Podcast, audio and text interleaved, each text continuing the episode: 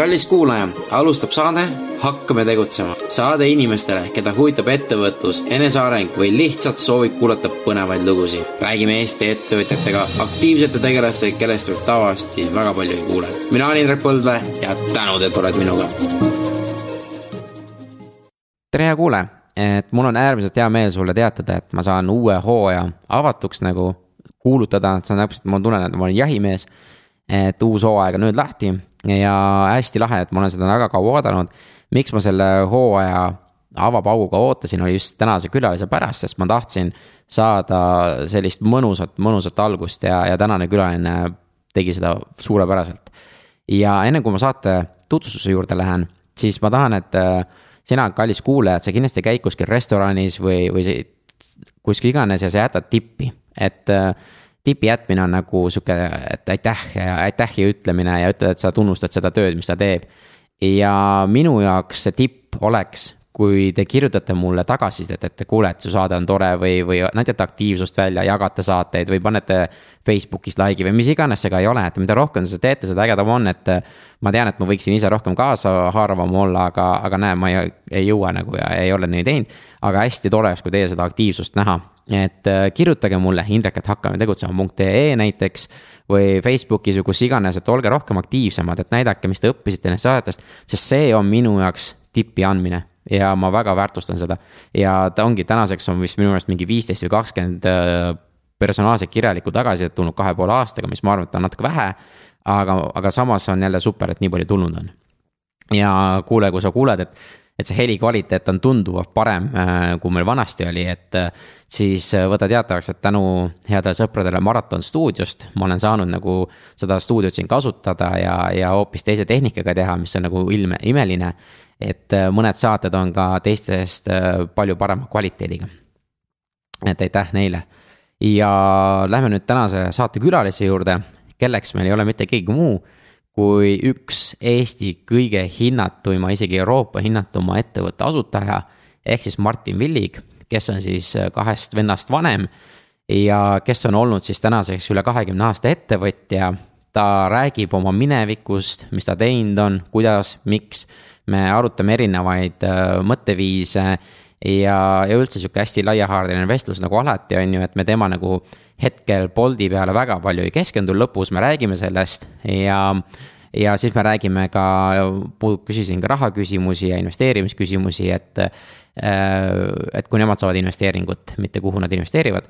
aga, aga saada lihtsalt natukene seda mindset'i teada, et, et tuli nagu sihuke hästi, hästi mõnus ja, ja sujuv vestlus, et ma väga tahaks, et äh, neid tagasisidet just sellest ja järgmisest saadetest, et siin need järgmised saated tulevad täpselt samas kvaliteedis minu meelest ja. ja läheb, äh, tuleb nagu super hea hooaeg, nagu ma olen seda öelnud. ja ma väga sooviksin seda tagasisidet, kas teie ka arvate niimoodi? et igatahes pange meil teele indrek, et hakkame tegutsema.ee või siis Facebookis või kus iganes te arvate, et oleks sobilik. vaat, aga aitäh ja naudime saadet. nii, tere Martin. tere. räägi, millega, millega sina tegeled? Mina olen umbes kakskümmend aastat olnud ettevõtja, töötanud ja vahepeal ka töötanud paaris suuremas organisatsioonis nagu Skype'is ja, ja Tallinna börsil, aga muidu jah, hingelt olen selline inimene, kes, kes tahab ise midagi teha ja mm. seda siis nii ettevõtlusmaastikul kui, kui tegelikult üsna paralleelselt olen teinud ka ühiskondlikus elus erinevaid äh, asju, proovinud organisatsioonide kaudu maailma natuke paremaks muuta mm,. mulle meeldib, kuidas sa praegu tagasihoidlikult nagu nime ei mainigi, et, et oma, oma nagu kõige suuremat äh, kreatsiooni koos oma vennaga siis nagu, mis sa teed?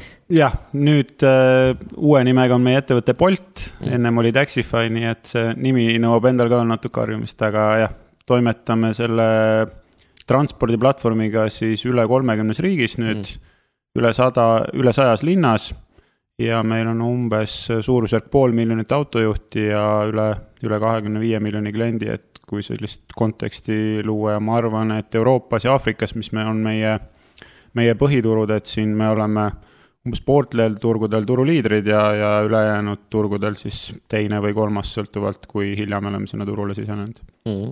et äh, pole paha nagu ettevõtja kohta, et kakskümmend aastat oled teinud, on ju, ja nüüd on noh, tulemused äh, ma ütlen, väga vähesed saavad selliste tulemustega nagu rääkida. jah, võib, äh, võib iseenesest rahul olla, et selles mm. mõttes selle, eriti selle viimase jah, projektiga, et, et Bolt kasvab kenasti ja, ja nüüd oleme viimasel ajal toonud veel uusi teenuseid, aasta mm. tagasi elektritõukerattad ja nüüd äh, siin paar päeva tagasi ka toidu tellimine restoranidest, nii et eks me proovime, proovime nii, nii geograafiliselt laieneda kui ka, kui ka teenuste osas, aga aga jah, ma arvan, et eks elus on erinevaid asju juhtunud ja, ja võib-olla miks, üks põhjus, miks Bolt võib-olla on läinud paremini kui teised, on, on kindlasti meeskond ja ma arvan, et äh, Markusel on siin ka väga suur roll. aga teiseks, et ma ise ka äh, viis aastat tagasi proovisin kõik muud asjad kõrvale jätta, et ma alati varem tegin mitut asja korraga. Mm.. et, et siis teadlikult tegin otsuse, et jätan kõik muud asjad kõrvale, teen ainult ühte ühte projekti. Ja võib-olla oma väike osa on äkki selles ka nii, see on väga põnev, aga tegelikult mul, mul tegelikult meeldib üldse minna algusesse tagasi, et sa ütlesid, et sa oled kakskümmend aastat ettevõtja olnud, et kuidas sinu nagu need ette. et, et ma tahaks seda tegelikult, et noh, et, et kui ma investeerimisfestivaliga su venda nagu kuulusin, on ju, et, et teil on nagu sihuke huvitav üleskasv nagu üldse nagu olnud, et. et ma mõtlengi, et no minu jaoks oli see huvitav, et kuidas teiste, et kust see tuleb, et teil nagu perekonnas sihukest ettevõtlikkust nagu rohkem ja rohkem nagu õpetatakse või kasvatatakse või ma ei tea, või on kuidagi jäänud silma või um,? Jah, ütleme, et meil vanemad on, ema on olnud õpetaja kümneid aastaid ja isa ei ole tegelikult ettevõtja olnud, et ta on olnud küll mõne ettevõtte tegevjuht mm, -hmm. aga ta ei ole ise olnud omaniku või ettevõtja rollis, nii et selles mõttes vanematelt võib-olla lihtsalt sellist mõttelaadi küsimust on, et et, et võib-olla kõi-, et unista ja proovi neid asju ellu viia, et seda, ma arvan, on, et, et kui Eesti, me elasime kuni üheksakümnenda aastani Tallinnas ja siis oli ka see Eesti vabanemise periood, kõik laul, laulupeod ja, ja muud asjad, et siis mul ema oli üks Naisliidu eestvedajatest niimoodi, et, et ta siis üritas naistega koos äh, maailma, maailma parandada, nii et, et noh, tal on ka sellist ühiskondlikku aktiivsust või sellist võib-olla se-, seda tüüpi ettevõtlikkust aga muidu nagu klassikalises mõttes, et teen oma äri, et seda meil perekonnas ei, ei ole varem olnud, nii et, et seda. Aga noh, mina tunnen, et mul on see olnud, ma arvan, äkki seitsmeaastasest saadik, et kui ma mäletan, me käisime äh, tädi juures Rootsis ja, ja seal oli, see oli aasta kaheksakümmend viis, ma olin siis, ma arvan, seitsmeaastane. et väga palju asju oli poes müügil aga Eestis ei olnud praktiliselt midagi ja, ja siis noh, silmad olid nii suured, et kõike tahaks saada, aga, aga ega meil ei olnud ka siit ju mingit raha kaasa võtta, nii vanematel kui mul ja siis. Siis ma pidin või noh, mul oli soov välja mõelda, et kuidas siis raha teenida, kuidas neid asju endale osta ja. ja, ja siis ma, mul tuli idee, et, et ma käisin lihtsalt tädi naabrite juures igal pool ja küsisin, et ega teil taarat ei seisa ja tuli välja, et kõikidel seisid suured taarakotid äh, garaažis, nad hea meelega andsid need mulle, viisin ära ja sain osta endale, ma mäletan, tennisereketi ja, ja tossud ja legosid ja, ja nii, et noh, selles mõttes. kui ma koolides käin rääkimas, ma räägin sedasama, et tegelikult sa ei pea ootama, et ma käin koolis, ülikoolis, igal pool ja siis hakkan, vot siis ma hakkan mingit, midagi ettevõtlust tegema, et tegelikult, kui sul see sisemine soov on olemas. sa võid praktiliselt kohe seda teha, et ma arvan, isegi lasteaias sa võid, ma ei tea, komme proovida kellelegi müüa või mm. vahetada, et selles osas see, see võib väga väiksest pihta hakata ja noh, siis sealt edasi tegime igast asju, ma arvan, põhikoolis sai juba pidusid korraldatud ja DJ oldud ja ja, ja, ja siis juba edasi tulid igast muud asjad, kodulehekülgede tegemine, nii et et ma arvan, ma olen kogu aeg otsinud nagu sellist väljundit, et, et midagi teha, et et ma arvan, võib-olla ma olen ise ta tagasi mõeldes, mulle tundub, et see võib-olla on soov ise otsustada, et mitte sõltuda teistest, näiteks oma taskuraha või muude asjade osas, et kui isa ütleb, et ma annan sulle, ma ei tea, tol ajal annan mulle paar, paar krooni. selle eest ma ei saa mis, seda, mis ma tahan, siis ma pean välja mõtlema, et noh, kuidas ma saan siis, et ma ei mõtle nii, et jama lugu, nüüd ei saa, siis ma pigem proovin mõelda, et kuidas saab, mis võimalused on ja, ja siis sealt hakkab tihti mõte lendama, et selles osas, et, et mulle just tundub, et see, see võib olla jah, selline see vist isegi teooria selle kohta, see growth mindset, et, et seda ma lugesin alles nüüd siin hiljuti, aga, aga tagasi. terve elu juba sihuke nagu. jah, et, et ma tagasi vaadates mulle tundub, et ma olen nagu mõelnud seda, sedamoodi, et ei no tegelikult noh, mis mina sinu jutust nagu siit enda jaoks nagu võtan, ongi see, et, et noh, okei okay,, sul vanemad ei ole võib-olla ettevõtjad olnud, aga mis mina nagu kuulsin, on, nad on ettevõtlikud olnud. et selles mõttes, et see on see, et, et, et, et sa ei peagi olema nagu oma ettevõtja omanik, et noh, seda ma proovin ka sind nagu saates nagu ise nagu öelda ja ma olen ise fail inud, sest ma ise mõtlen ka, et ma pean ettevõtja olema, tegelikult ei pea. et sa võid olla väga ettevõtlik ja luua väga palju väärtust inimestele. ja, ja sellega näiteks, et see, noh, see on lihtsalt eeskuju, nagu sa ütlesid, sul ema nagu ja isa toimetavad, on ju. et siis sina näed ka, kuule, vau, et me saame nagu teha. ja teine just see growth mindset, ma arvan, et see ongi, et ma tunnen, et meil seda maailmas on seda negatiivsust nii palju, vaata igalt poolt olnud, et ja koolis ka, et, et sulle näidatakse, et mis vigu sa teed, mitte see, et, et milles sa hea oled. ja siis hakkabki mõtlemine, et ma ei saa, ma ei oska, ma ei tea ja ma ei ole piisavalt ja kui sa niimoodi mõtled, siis sealt ei tulegi ühtegi head vastust ja ei, sellega ma olen nõus ja, ja ma arvan, et kindlasti ma saan olla tänulik oma vanematele selle eest, et nad pigem on olnud toetavad jah, et, et kui ma olen midagi ette võtnud, siis nad on öelnud, et jaa kui see on olnud nagu vähegi mõistlikus suunas, siis nad on seda toetanud, et. et ma mäletan tegelikult ka seda, et keskkoolis vist umbes kümnendas klassis mul oli selge plaan tulla koolist ära ja teha meie Saaremaa.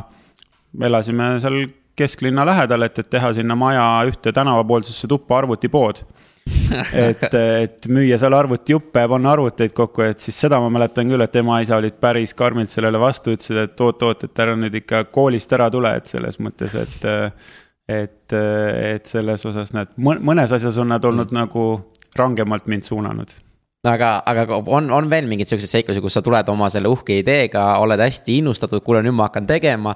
ja siis äh, just seda toetust või seda, mida sa ootad, ei ole, et, et kuidas sa siis nagu, see mindset sul läheb, et. kas see, et okei okay,, ma pusin omaette edasi või see, et okei okay,, et neil on võib-olla õigus ja, ja peab äh, ringi vaatama vanematega ma vist väga rohkem ei mäleta seda, seesama arvutipoe tegemine oli, oli selgelt üks suuremaid, aga. aga muidu ma arvan, et ma iseenesest innustun äh, nagu uutest ideedest üsna kergelt mm. ja, ja lähen põlema ja siis ma olen ka kärsitus, ma tahaks kohe teha midagi, et kui, kui nagu tundub äge idee. aga ma arvan, et, ähm, et teisest küljest jälle, kui ma, kui ma ei leia ilmselt mõttekaaslasi siis, äh, siis võib-olla see idee võib ka nagu jahtuda, et kui ma vaatan, et okei okay,, kedagi teist see ei kõneta, et ma olen siin mingi hulga inimestega rääkinud, kes ma arvan, et võiks kaasa tulla. et kui keegi ei tule kaasa, et siis võib-olla, siis võib-olla ei tee ka, otsest ühtegi näidet mul hetkel mm. meelde ei tule, aga ma, ma arvan, et ma pigem mu mõttemudel on umbes selline aga see on tegelikult väga huvitav, sest äh, mul on ka ja ma ise olen ka, et ma innustun uutest asjadest hästi kiiresti ja siis on see, et, et. et mõte läheb, et ma teen, ma teen, ma teen, aga siis ma näen, et kuskil on jälle midagi paremat, et äh, see mõte nagu lendab hästi kiiresti ja sa ei vii nagu ühte asja lõpuni ära, vaata. et äh, kas ma saan aru, sul on midagi, midagi nagu sarnast olnud või kuidas ja kuidas sa sellega nagu tegelenud oled? jah, kui, kui vaadata karjääri poole tagasi, siis mul on päris mitmed äh, nagu karjäärietapid, mis on olnud sedasi paariaastased, et, et ongi, et ma proovin midagi käivitada. ja siis, kui see juba mingile maale on käima läinud, et siis sellist rutiinset võib-olla administreerimist või haldamist mulle nii palju ei meeldi teha, et siis ma juba tahaks otsida midagi, midagi uut, et selles mõttes proovida selle, selle projekti kellelegi üle anda või, või juhtimise anda kellelegi, kes, kellele see meeldib ja kes on võib-olla sellises klassikalisemas juhtimises tugevam, et äh, et aga, aga jah, põhimõtteliselt äh, mõelda nüüd tagasi, et esimese ettevõtte ma asutasin ülikoolis, et kui ma tulin äh, EBS-i, nii et jah, ma sündisin Tallinnas ja siis kuuenda klassini käisin Tallinnas koolis ja siis vanemad otsustasid üsna äkki kolida Saaremaale. nii et üheksakümnendal aastal kolisime sinna ja siis ma käisin seitse aastat äh, Saaremaal koolis. kuidas see vahe oli, kuidas sa ise selle muutustega nagu toime tulid? või see oli nii väike või sul ei olnud see... savi? jah ma isegi, ma ei ole isegi siiamaani vist väga vanemate käest küsinud, mõnikord on tulnud see mõte, et peaks küsima nende käest, miks nad otsustasid Saaremaale mm. kolida, et võib-olla see on hea, hea mõte see küsimus kirja panna. aga ei, minu jaoks see väga midagi ei muutnud, et jah. meil oli veel nii, et, et me saime Tallinna klassiga väga hästi läbi, nad veel käisid isegi mitu korda klassiekskursioonil Saaremaal.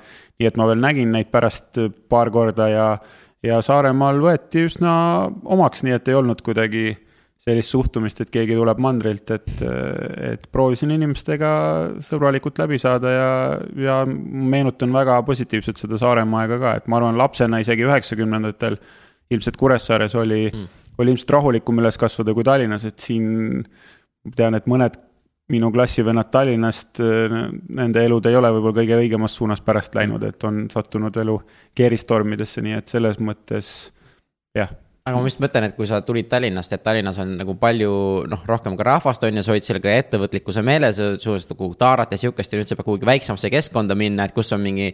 võib-olla ainult noh, üks kümnendik neid inimesi, kes, kes ongi, et oled sihuke tühermaal väga palju, kas see nagu ei tekitanud sihuke, ah oh, et kurat, või seal sa nägid just võimalusi, hakkasid rohkem nägema jah, ma vist ei mõelnud kunagi nii, et selles mõttes, et noh, ma ikka vaatasin nagu oma keskkonnas asju, et mida ma saan teha, et ma pidasin seal kodus väikest poodi, müüsin oma.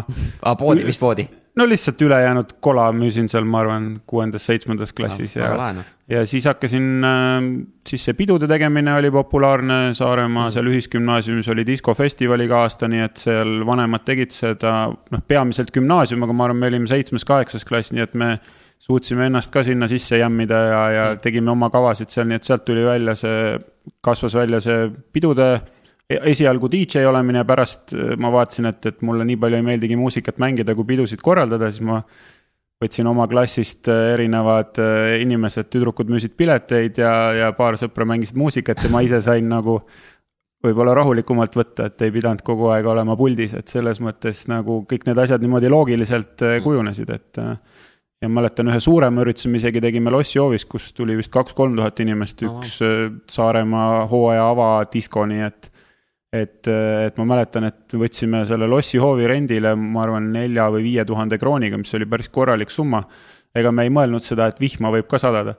et õnneks tuli ilus ilm ja kõik läks hästi, aga pärast tagantjärgi me mõtlesime, et okei okay,, et kui oleks vihma sadanud, meil olid kõik tehnikad ja asjad renditud ja, ja korralikud turvamehed ja kõik asjad, nii et, et see oli päris korralik sihuke ettevõtmine, aga, aga jah.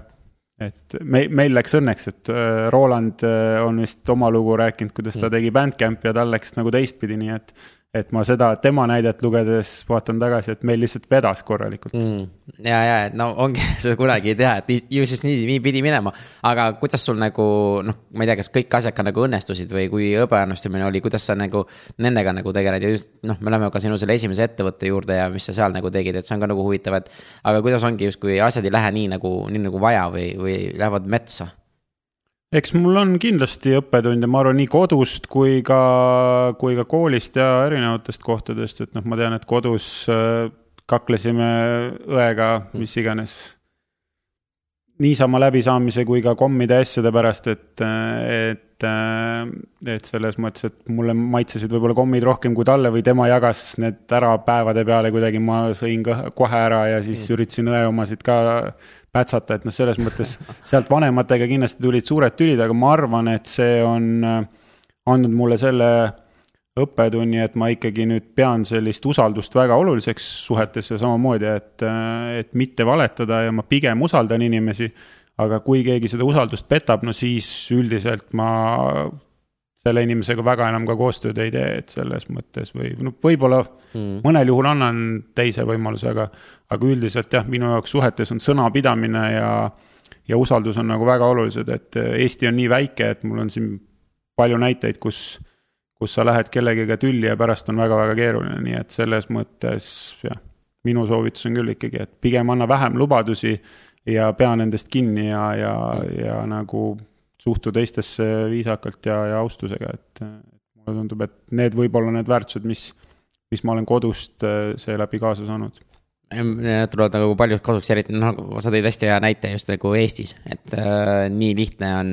sa oled kõik asjad ilusti teinud ja siis ühe, ühe vea teed või noh, isegi kui on noh tahtlikult, siis tegelikult sinu maine on rikutud tegelikult mm. nii Eestis ja ei ole lihtne nagu USA-s, et lähed teise osariiki ja keegi ei tea sind, et alustad uuesti mm et äh, see on ennustavaid ettevõttel väga, väga, väga oluline. aga nüüd, kui sa tulid Tallinnasse tagasi ja läksid ülikooli, mis sind pani nagu, et oo, kuule, nüüd ma alustan oma uue ettevõttega? see tegelikult äh, kasvas ka loogiliselt välja, et me juba Saaremaal hakkasime kodulehekülge tegema ühe klassivennaga mm. ja tegime ka koolile kodulehekülje ja osalesime ühel üle-eestilisel konkursil, kus me saime viie parima kooli hulka, nii et kool sai seal ägeda mingi serveri võitis sealt, nii et, et, et selles mõttes me juba Saaremaal tegime kodulehekülge, et ma tegin Kuressaare linna esimese kodulehekülje, Saaremaa esimese kodulehekülje, kõik asjad, et tegin need isegi ilma firmata, et mul isa tegi lihtsalt ostu-müügilepingu, müüs nende, need koduleheküljed nagu lihtsalt infopaketina maha nendele ostjatele. aga kuidas, kuidas üldse kliente nagu no sa olid, mis, viisteist, kuusteist või seitseteist või midagi sihukest, et kuidas. okei okay,, et äh, isa, ma tahan teha Kuressaare linnale kodulehte, et, et ma nüüd lähen ja müün. see või... pigem oli üldse vastupidi, et ma läksin, müüsin ennem maha, leppisin asjad kokku ja siis, kui oli vaja välja mõelda, et kuidas me seda teeme, et siis ma läksin isa juurde ja ütlesin, et kuule, et, et äkki sa, sa lõppmõtleme mingi lepingulise vormi välja, et selles mm. mõttes pigem mul oli, ma ikka ise otsisin need asjad kõik välja, et. ja, aga ma mõtlen, kuidas sind nagu ikkagi kuueteistaastane või niimoodi sa lähed lihtsalt äh,. ma mõtlen praegu tänapäeva noored näiteks, keegi koolis kuuleb, et ta on neliteist, viisteist, kuusteist, et. kuidas sa neil nagu soovitaksid, et ongi, kuidas ma leian esimesed kliendid või kuidas sa. kas sul oli mingi äriplaan, kas oli mingi paar kodulehte teinud või sa ei olnud mitte midagi ja lihtsalt lähed ja koputad ustele? ma arvan, et arvutiklassis hakkasime ise tegema endale mm. kodulehekülge, see oli uus asi, kõik arenes kiiresti, see oli nagu põnev, see motiveeris, arvutimäng oli ära mm. tüütanud juba selleks ajaks ja mm. siis jälle oli võimalus, nägin võimalust, et võib-olla saab natuke taskuraha teenida, et, et sealt see lihtsalt arenes ja, ja siis kuidagi üks asi viis kogu aeg teiseni, et kui sa mingi asja vastu huvi tunned, siis toimub kuidagi sihuke loomulik mm. areng, et, et alguses tegin mõnele ettevõttele ja siis vaatasin, et näed, et kuskil mingil Tallinnal võib-olla juba oli kodulehekülg, Kuressaare ei olnud, miks ei olnud, läksin linnavalitsusse, teadsin kedagi, lähen küsin, et teil ei ole, nad ütlesid, ei oska teha, noh, ma ütlesin, ma võin proovida ja noh, siis niimoodi see kogu mm. aeg samm-sammult need asjad nagu kasvasid, nii et, et siis, kui me Tallinna tulime selleks ajaks, noh, ma olin Saaremaal, ma arvan, mingi kümmekond kodulehekülge teinud ja siis noh, siin ei saanud enam isa kaudu äri teha, siis oli loogiline, et äh, registreerisime ettevõtte, hakkasime tegema, nii et ma arvan, me tegime Starmanile esimese kodulehekülje ja siis ma arvan, Livikule ja, ja mis iganes. järjest äh, sedasi need ettevõtted tulid seal, nii et, et kogu aeg mm ei, ma lihtsalt, mulle meeldib sinu see nagu noh, et ma arvan, et see, et kodulehtede tegemine, see, see ei ole nii oluline, pigem on see nagu suhtumine, et see vahet ei ole, mis ajajärgus sa oled, suhtumine peab täpselt samamoodi olema, et, et. et praegu ma lihtsalt näen, et kas siis sotsiaalmeedias või kus iganes me hakkame eeldama liiga palju, oo näe, ma ei oska, ma ei tea, ma ei ole liiga see, mul on seda vaja, mul on seda vaja, siis ma ei hakkagi midagi tegema. pigem ongi see, mis ma nagu sinu jutus ka nagu lihtsalt mine ja küsi ja, ja mine ja koputa ja, ja uuri ja, ja sa kunagi ei tea, vaata, mis juhtuda võib ma arvan ka, et minegi jah, paku, paku, kui sa ei ole esimest klienti või midagi, et mine paku ennast, ma ei tea, tasuta praktikale või mis iganes, saad mhm. esimese töökogemuse või kui sulle progemine meeldib, jah. mine, mine proovi jah, kellegagi koos midagi teha, ütle, et ma tulen, õpin, ma ei tea, otsin, otsin vigu sinu koodis ja siis proovin sealt edasi, et ma arvan, neid võimalusi on väga palju või täna on ju need erinevad freelancer ite portaalid, et pane ennast sinna kirja, proovi seal midagi ära teha, nii et, et neid võimalusi on nagu väga-väga palju, et ikkagi see suhtumine on, on, mulle tundub kõige alus, et kui sul endal on sellist sisemist indu või drive'i, et mm. siis see, ma arvan, sind järjest edasi lükkab, et aga kuidas sina näiteks noortele ütledki, noh, et, et ma olen kuulnud siin, kuule, et ma ei tea, mida ma teha tahan ja, ja mul ei ole mitte mingit, noh, et, et ma ei ole mitte milleski heas või ma. Noh, ma ei tea, mis ma elus tahan või mida ma õppima lähen või noh, et sihuke hästi palju on sellist, et kuidas siin, noh, kui tuleb sul laps või, või mis sa, mis sa, mis sina nagu ütled? no ma arvan, üldine sihuke laiem soovitus on, on ikkagi see, et proovi hästi paljusid asju ja, ja proovi, kas sulle midagi nagu meeldib, et ära, ära lihtsalt passi kodus diivani peal või istu seal arvutis või telekamängus, et, et ikkagi reaalselt, kui sa tahad leida midagi, siis ma arvan, sa pead lihtsalt käima, et kui sul lõpeb kool ära või, või isegi tegelikult kool ei ole takistuseks, et käi peale kooli, ma ei tea, käi näiteringis, käi spordiringis, tee ühte, teist, kolmandat, viiendat asja, proovi hästi paljusid asju ja vaata, et kui kuskil tekib mingi asi, mis hakkab meeldima, siis mulle tundub, et sealt võiks loogiliselt asjad edasi areneda, et noh, tänapäeval saab ju kõike õppida Youtube'ist, internetist, et.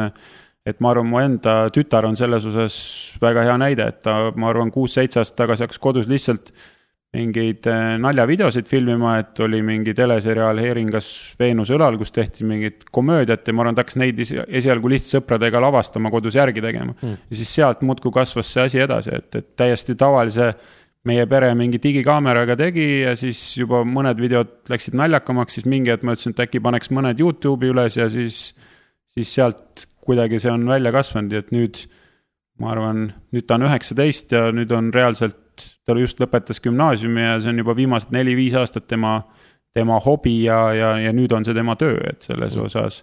ja, ja mina ei ole teda küll kuidagi õpetanud, et ta on kõiki neid asju ise Youtube'ist õppinud, ma arvan, ta kasutab täna mis iganes maailma kõige professionaalsemalt monteerimise tarkvara, ta teeb seal värvikorrektsioone ja kõiki asju ja need on ta lihtsalt ise kõik õppinud aasta-aastalt kooli kõrvalt, et pigem. Pigem tema jaoks isegi ta ütles just, et, et talle tundus, et see gümnaasium lõpuks oli isegi natukene nagu pidurdas teda mm., et, et ta taht-, tal oli juba nii palju ideid ja asju, mida ta tahaks teha, nii et nüüd, kui ta lõpuks gümnaasiumi lõpetas, siis ta oli suur vabanemise tunne, et oli väga selge, mis ta tahab teha, et mm.. et see võib olla muidugi liiga ideaalne näide, aga, aga ütleme, et just see, et, et sa proovid hästi paljusid asju, et, et ähm, ja siis leiad midagi, et, et ma arvan jällegi sihuke. Et, et ega otseselt kedagi soovitada ei oska, et, et tee mm. seda või seda, aga lihtsalt, kui sa palju katsetad, siis on suurem tõenäosus, et sa leiad midagi, mis sulle meeldib, et. kui sa ei leia, siis see on ka keeruline, miks sa siis ei leia, ma ei tea. nagu ma arvan, et kas siis tuleb rohkem proovida või rohkem kuskil, nagu sa ütlesid, praktikale minna või kuhu, mis, mis iganes siin nagu kõigil on midagi, mis talle meeldib et midagi, mis nagu tõmbab natukene, et, et kas siis ongi. ja ma arvan, et su tütrenäitel on just nagu väga hea, et, et ongi see, et, et ta teeb neid Youtube'i videoid, see on ainult üks asi, aga tänu sellele ta oskab ka siis on ju. kas siis intervjueerida, ta oskab neid monteerida, ta põhimõtteliselt on see, et. no ta peab neid turundama täpselt, ja, ja kõiksugu asju tegema, jah. et tal on nagu kõik nagu need basic asjad on nagu selged, et siit nagu edasi minna, kas siis ongi. kas turundusjuhiks või siis oma videofirma või mis iganes see ka ei ole, on ju. tal on nagu väga palju nagu eeliseid, kuhu nagu teha ja, ja ta on juba üheksateist, et, et. tegelikult üks asi, mis ja. veel välja kasvas sellest, oli see, et kui ta Youtube'i tegi, siis kaks aastat tagasi üks mu tuttav äh, ütles, et tal on lapse sünnipäev et tal ei ole midagi toredat sinna kutsuda, siis ta kutsus Viki sinna nagu esinema mm., rääkima oma lugu ja sellest tegelikult kasvas tal järgmine tooteliin välja, tal ongi nüüd oma nagu nii-öelda workshop'id või koolitused, mida ta lisaks juurde teeb. ta käib teisi inspireerimas, kuidas asju teha, nii et, et see on täpselt nii, et sa hakkad mingi asjaga pihta, kogu aeg mm -hmm. sinna nagu orgaaniliselt kasvab mingeid asju juurde ja lõpuks mm. sa noh, oledki kuskile välja, et kui see üldine suund on õige, kuhu poole sa liigud, teed seda kirega, siis ma arvan, et lihtsalt asjad juhtuvad, et sa oled avatud uutele võimalustele ja ja need asjad juhtuvad, et ma arvan, see on tegelikult hästi-hästi huvitav, kuidas sellega te räägite. ma millegipärast arvan, et see saab paralleele tõmmata erinevate kõikide sinu ettevõtetega. et kui sa selle kodulehe asja hakkasid tegema, pakun välja, sealt tuli, ma, ma veel ei tea seda lugu, aga ma arvan, et sealt hakkas mingeid muid asju tulema. ja need kõik muud asjad ja sama ma näen arvatavasti, mille pärast ma, kus kõige rohkem tean, ongi see Taxify ehk Bolti asutaja. kui nagu ongi alguses toiti taksofirma ja nüüd ongi viis-kuus aastat hiljem on, on hoopis teised suunad ja teised need ja ma millegipärast, ma ei tea, ma kahtlen, aga ma eeldan. et kas teil olid ka samad mõtted, kui te alustasite alustasite Taxify'ga, et me kunagi teeme sellest äh, toidu vedamise ja kõik need, ma ei tea, kas oli või ei olnud? ei olnud? ma arvan, et ega tol ajal ei osanud küll selle peale mõelda, et tol hetkel seda tööstusharu isegi vist mm -hmm. praktiliselt ei olnud või et Täpselt. selles mõttes, et ja elektritõukerattaid ka ilmselt polnud olemas või need olid mm -hmm. nii kallid, et maksid, ma ei tea, kümme tuhat eurot mm -hmm. tükk, et selles osas, et kõik asjad nagu kuidagi loogiliselt arenevad ja kui sa oled uutele võimalustele avatud, siis sa pead nagu arvutama või mõtlema, et kas see noh, alati muidugi teine küsimus, neid võimalusi on liiga palju mm. -hmm. kuidas nagu valida neid nagu, mis sind päriselt äh, edasi aitavad, mis on huvitavad ja mis võib-olla sind noh, ka, ka majanduslikult mingit pidi ära tasuvad mm.. no ma arvan, kusjuures see on hästi raske küsimus ja eriti startup'ide kohta, kuna on õige aeg ära lõpetada. et äh, sa kunagi ei tea, on ju, aga enne kui me selle juurde läheme, ma mõtlen, et see on nagu tegelikult hullult lahe nagu just inspiratsioon teistele, et ongi, et et kui sa millegiga tegelema hakkad, ära mõtle, kuhu sa jõuda või, vaid ongi, sa kunagi ei tea, et kuhu sa nagu, mis uksi see võib avada, et lihtsalt tegutse ja kui sulle meeldib see, siis sealt tulevadki erinevad asjad no.. tee, tee täiega ja, ja, ja, ja suhtle paljude inimestega ja siis lihtsalt ma ei tea, minu puhul, minu kogemusest näitab, et siis asjad juhtuvad, et selles mõttes. no sama ikka sinu, sinu, sinu tütre on ju ja sinu venna, vennal samamoodi noh. no just et, et, et selles mõttes see ei ole enam nagu, noh, te olete kõik üks perekond, on midagi, midagi seal jälle ühist, on ju. aga, aga samas ma millegipärast äh, olen ka nagu siin erinevate inimestega rääkinud, näiteks mul oli, kes äh, Amazonis äh, müüb hetkel üks suurimaid Eestis nagu Amazoni müüjaid.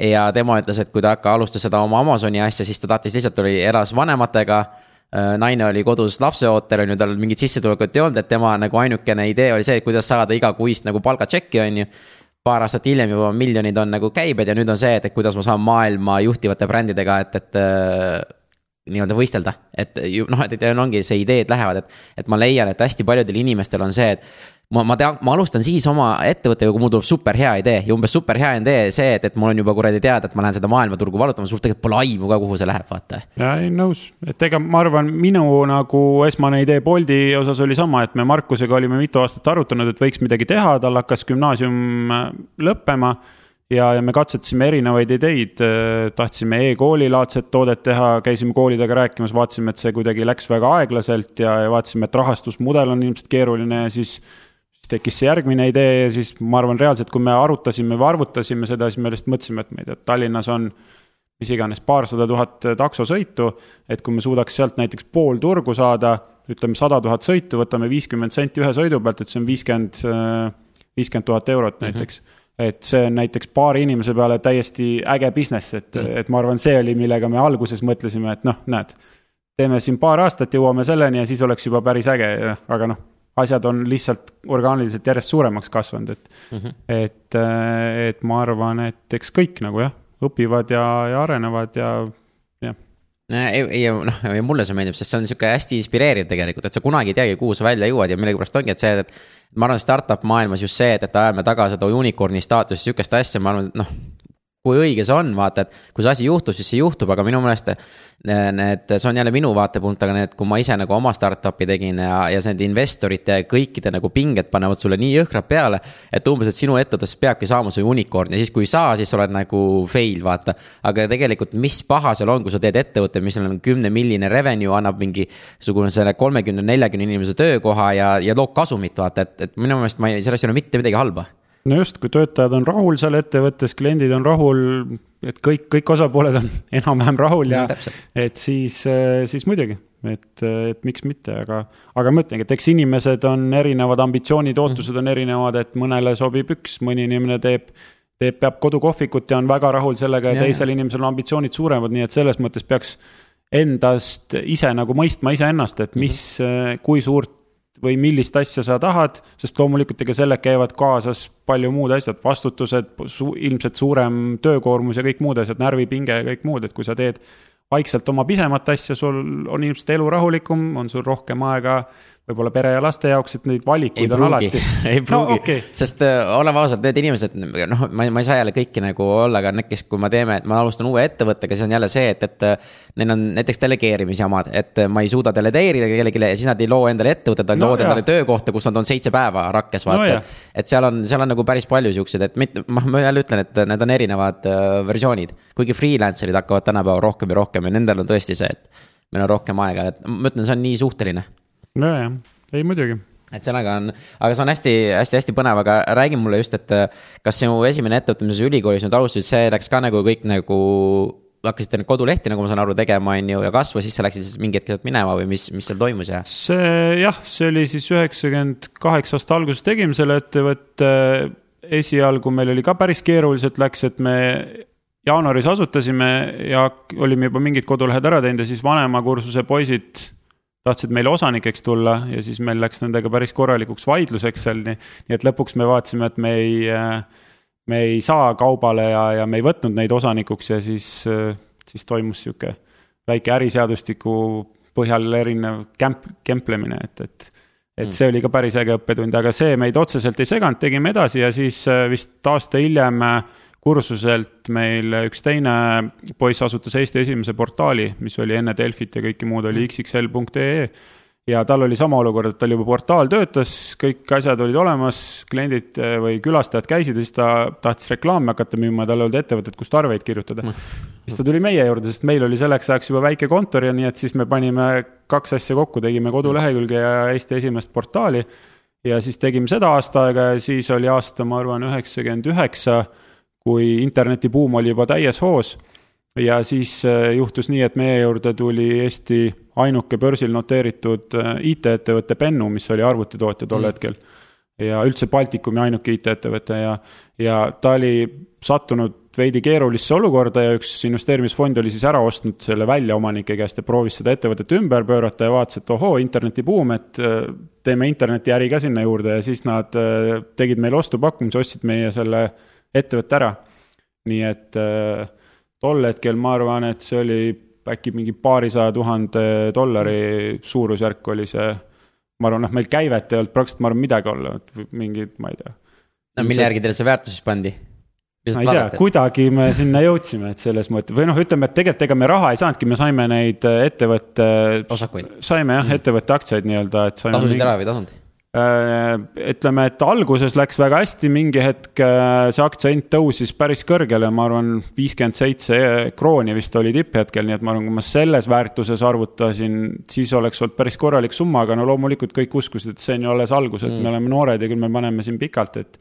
aga, aga lõppes sellega, et see ettevõte ikkagi läks pankrotti kahe aasta pärast, sellepärast et see, see arvuti osa osakonna igast pangalaenud ja muud asjad olid seal, olid seal nii suured, et lõpuks pank, me suut-, see juhtkond suutis väga palju ära saneerida.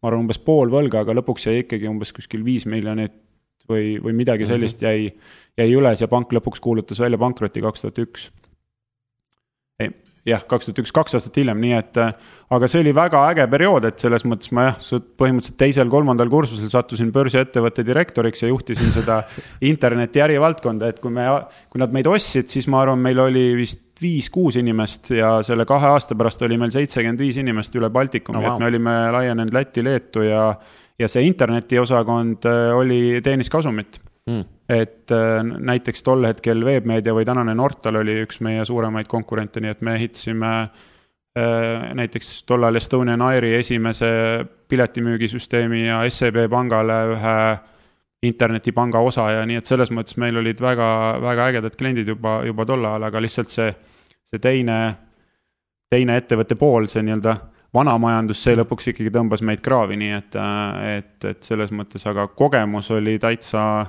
täitsa vinge, et selles mõttes. no see kõlab juba uskumatult tegelikult, et olla mingi teises, teisel kursuse tudeng ja juhid sellist ettevõtet, et see, see ei juhtu just eriti paljude inimestega, vaata, et noh. et siin jälle näitab, et see noh, et sa pead olema tegus, aga, aga seal peab, ma arvan, midagi veel olema, sellepärast et see noh, et, et sinu sarnaseid ettevõtteid oli veel kindlasti, kes teevad kodulehti ja niimoodi, et aga miks siis teid valiti, vaata ja miks siis sina just nagu, et, et ma ei tea, mis sul endal nagu ma arvan, et jaa, neid kodulehekülje tegijaid oli veel, aga portaali tegijaid nagu ei olnud mm., et me vist, see meie meie need äripartnerid sattusid olema esimesena mm., nad olid väga uljalt tegid ja, ja, ja kasvasid kiiresti, nii et, et ma arvan, need kaks asja kokku, et ega Sten Tamkivi tegi sellel ajal veebifirmat -hmm. ja ja, ja mitmed teised ettevõtted, et selles mõttes, kellega me konkureerisime, aga meil oli just need kaks poolt kokku, ma arvan, oli, olid äkki tol hetkel sellele investoritele huvitavad, nii et. Äh, ja kusjuures tegeleda, sorry, et ma vahele jälle segan, et sorry, et äh, tegeleda üheksakümne kaheksandal aastal veebilehtedega Eestis ei ole ka just kõige sellisem nagu, kuigi, kuidas ma ütlen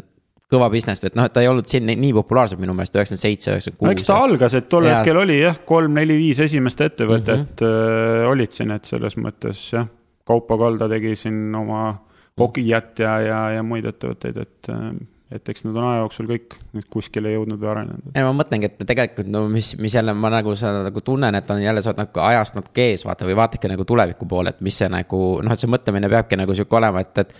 et ma ei hakka seda tegema, mis täna on nagu sihuke populaarne, vaid ma mõtlengi, mis on, mis on see, mis nagu võiks tulla, vaata, et, et ja võtan selle riski mm. -hmm aga noh, kindlasti jah, see õppetund oli see, et, et oleks ilmselt pidanud riske natuke hajutama ja vähemalt võib-olla osa seda osalust ka natuke varem müüma, et, et ma mäletan, et ma viimased äh, need aktsiad müüsin umbes üheksateist senti tükk, et selles mõttes, et kui ta tipphetkel oli seal kuuekümne krooni lähedal, et.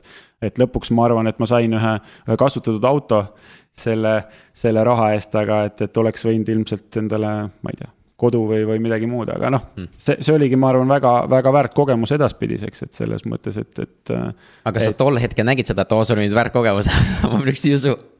ilmselt see tuli jah, paar aastat hiljem, et selles mõttes jah, et, et tol hetkel, aga ma ei tea, noore inimesena sul ei ole vajadused liiga suured, nii et mis seal ikka, et noh läks midagi natuke valesti, proovin uuesti, et selles mõttes, et pärast seda ma mäletangi, et mul oli esimene esimene kor- või ainuke kord elus, kus ma siis kandideerisin tööle, et tegin CV ja saatsin ja siis ma läksin Tallinna börsile tööle, nii et, et kuna see ettevõte oli börsil noteeritud, siis mm. kuidagi sealt äh, tekkis nagu huvi börsi vastu ja siis ma olin neli aastat Tallinna börsil, nii et, et seal sai ka igast äh, vahvaid asju tehtud, äh, näiteks teise pensionisamba registri käivitamine, et Riigikogu oli just selle seaduse vastu mm. võtnud ja kuus kuud oli aega, nii et, et see väärtpaberite keskregister pidi selle käivitama, nii et Kaidi Ruusalepp, kes täna Funderbeami teeb, temaga koos istusime ühes toas ja, ja ehitasime seda registrit, nii et et selles mõttes äh, olid ka väga, väga põnevad projektid ja siis ostis Helsingi ära Tallinna börsi mm -hmm. ja siis Stockholm ostis ära Helsingi, nii et, et meil selle nelja-aastase perioodi jooksul toimus kaks korda kogu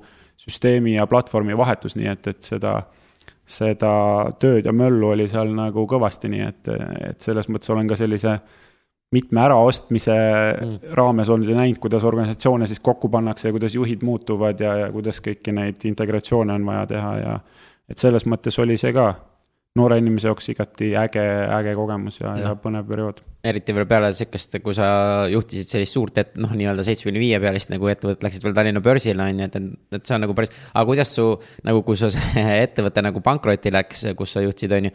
ja siis oligi, et aktsiad ja kõik langesid, et, et kuidas sa nagu sellele nii-öelda vaimselt nagu vastu pidasid, siis ma pakun välja, et see võis ka olla sihuke, et ah, näe, pekki, nüüd läks niimoodi ja et kas see nagu egole ka andis mingi sihukese või see oligi sihuke, et ah, tead, mis seal ikka, lähme edasi ma liiga täpselt seda perioodi ei mäleta, aga, aga noh, meil oli, meil oli iseenesest väga inspireeriv äh, juht oli sellel ettevõttel, selle äh, investeerimisfondi poolt pandud Arho Antila, kes on täna Pipedrive'is. Mm.. et, äh, et noh, mina tol hetkel, enamus juhte istusid oma kabinetis ja olid kuidagi töötajatest kaugel ja kõik muu, et, et meil oli seal väga selline avatud kontor ja, ja tema, tal vist oli küll väike boks, aga ta oli nagu klaasseintega ja uks oli kogu aeg lahti, nii et. et selles mõttes temaga oli tol hetkel väga, väga põnev ja inspireeriv rääkida üldse nagu juhtimisest ja ta oli, ta oli väga hea eeskuju, nii et, et.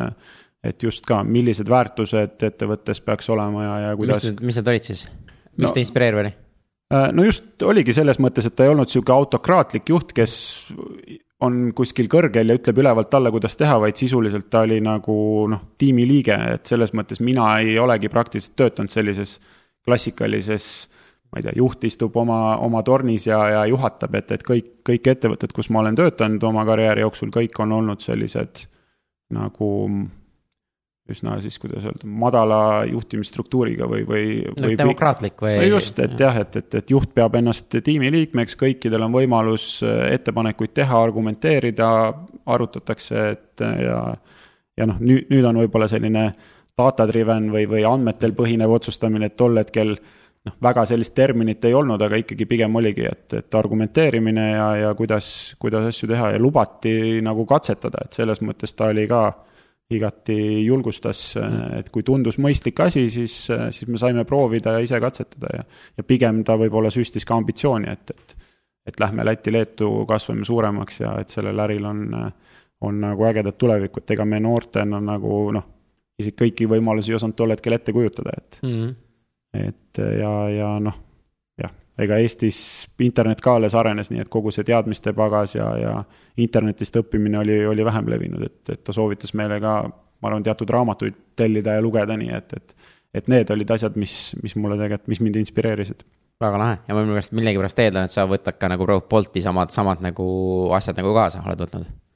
jah, ma arvan, et üldises, üldises plaanis jah, need on, need on need väärtused, millega, millega me proovime ise elada ja, ja ettevõtet ka juhtida mm aga okei okay,, nüüd kui sa olid Tallinna börsil on ju, kas sa vahepeal Skype'is, Skype'is toimetasid? jah, kaks aastat olin seal ka, et sinna kõik, kõik läksid sinna tööle tol hetkel või kõiki kutsuti, nii et mm. siis juhtus, et. Nad vist kasvasid nii kiiresti, et oli nagu, et see läks nagu väga, väga nagu rajuks, aga mis äh,, mäletad ka, mis, kui suur see oli, kui sa läksid või, või kus al-? umbes kuuskümmend töötajat oli no, siis, kui mina ikka. liitusin jah. ma arvan, et Eestis oli äkki mingi kolmkümmend ja, ja, ja osad olid vist Londonis mm. ja veel paaris paaris väliskontoris, nii et eh, jah, Eesti tiim oli üsna pisike. aga sa olid arendaja või sa olid, mis, mis? ma olin mis, ühe tiimi, veebitiimi juht, et põhimõtteliselt, kui ma Tallinna börsil ka tegin neid veebi ja tarkvaraprojekte, et siis äh, Skype'is ma läksin ka selle tiimi juhiks, kes tegi ühest küljest seda avalikku kodulehekülge, aga teisest küljest kogu seda iseteenindust, kus sai meie teenuse eest maksta mm., kus olid kõik erinevad maksemeetodid ja, ja kogu sinu profiili haldamine ja siis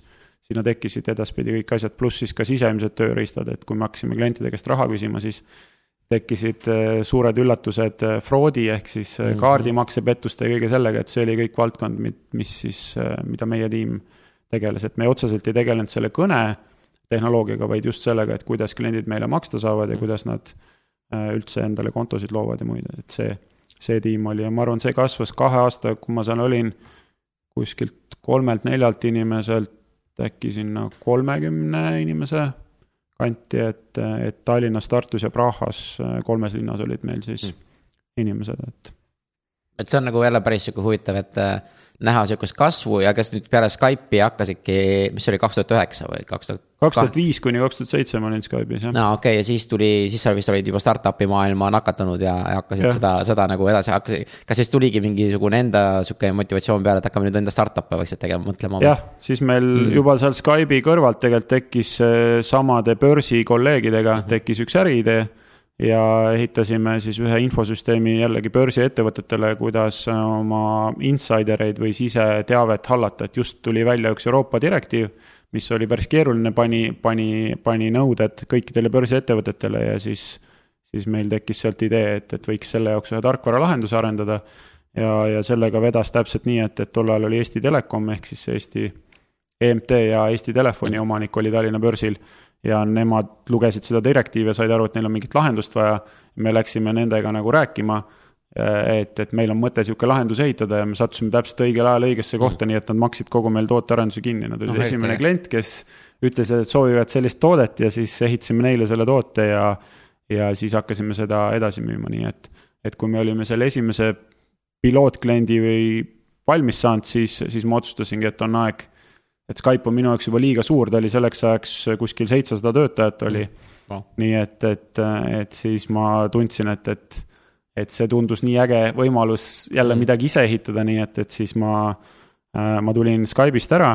aga mis, mis selle ettevõttega juhtus, oli see, et, et meil oli neli asutajat ja ükski teine äh, nendest neljast siis peale minu, äh, kõik jäid oma tööle.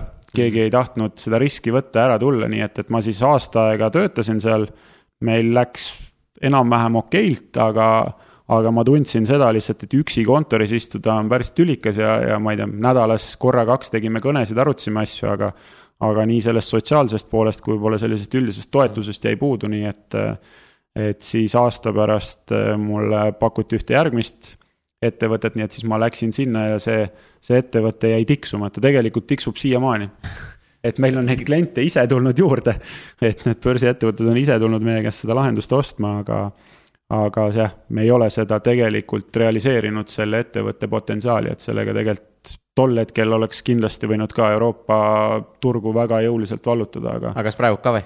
või praegult enam, kui keegi edasi arendaks? nüüd on juba veidi tulnud konkurente, ma arvan, et mm. neli-viis ettevõtet on Euroopas veel selle niši tabanud ja, ja, ja seal äh, nagu toimetavad, aga aga jah, ma arvan, see oli aasta kaks tuhat kuus umbes, kui me ja. alustasime mm.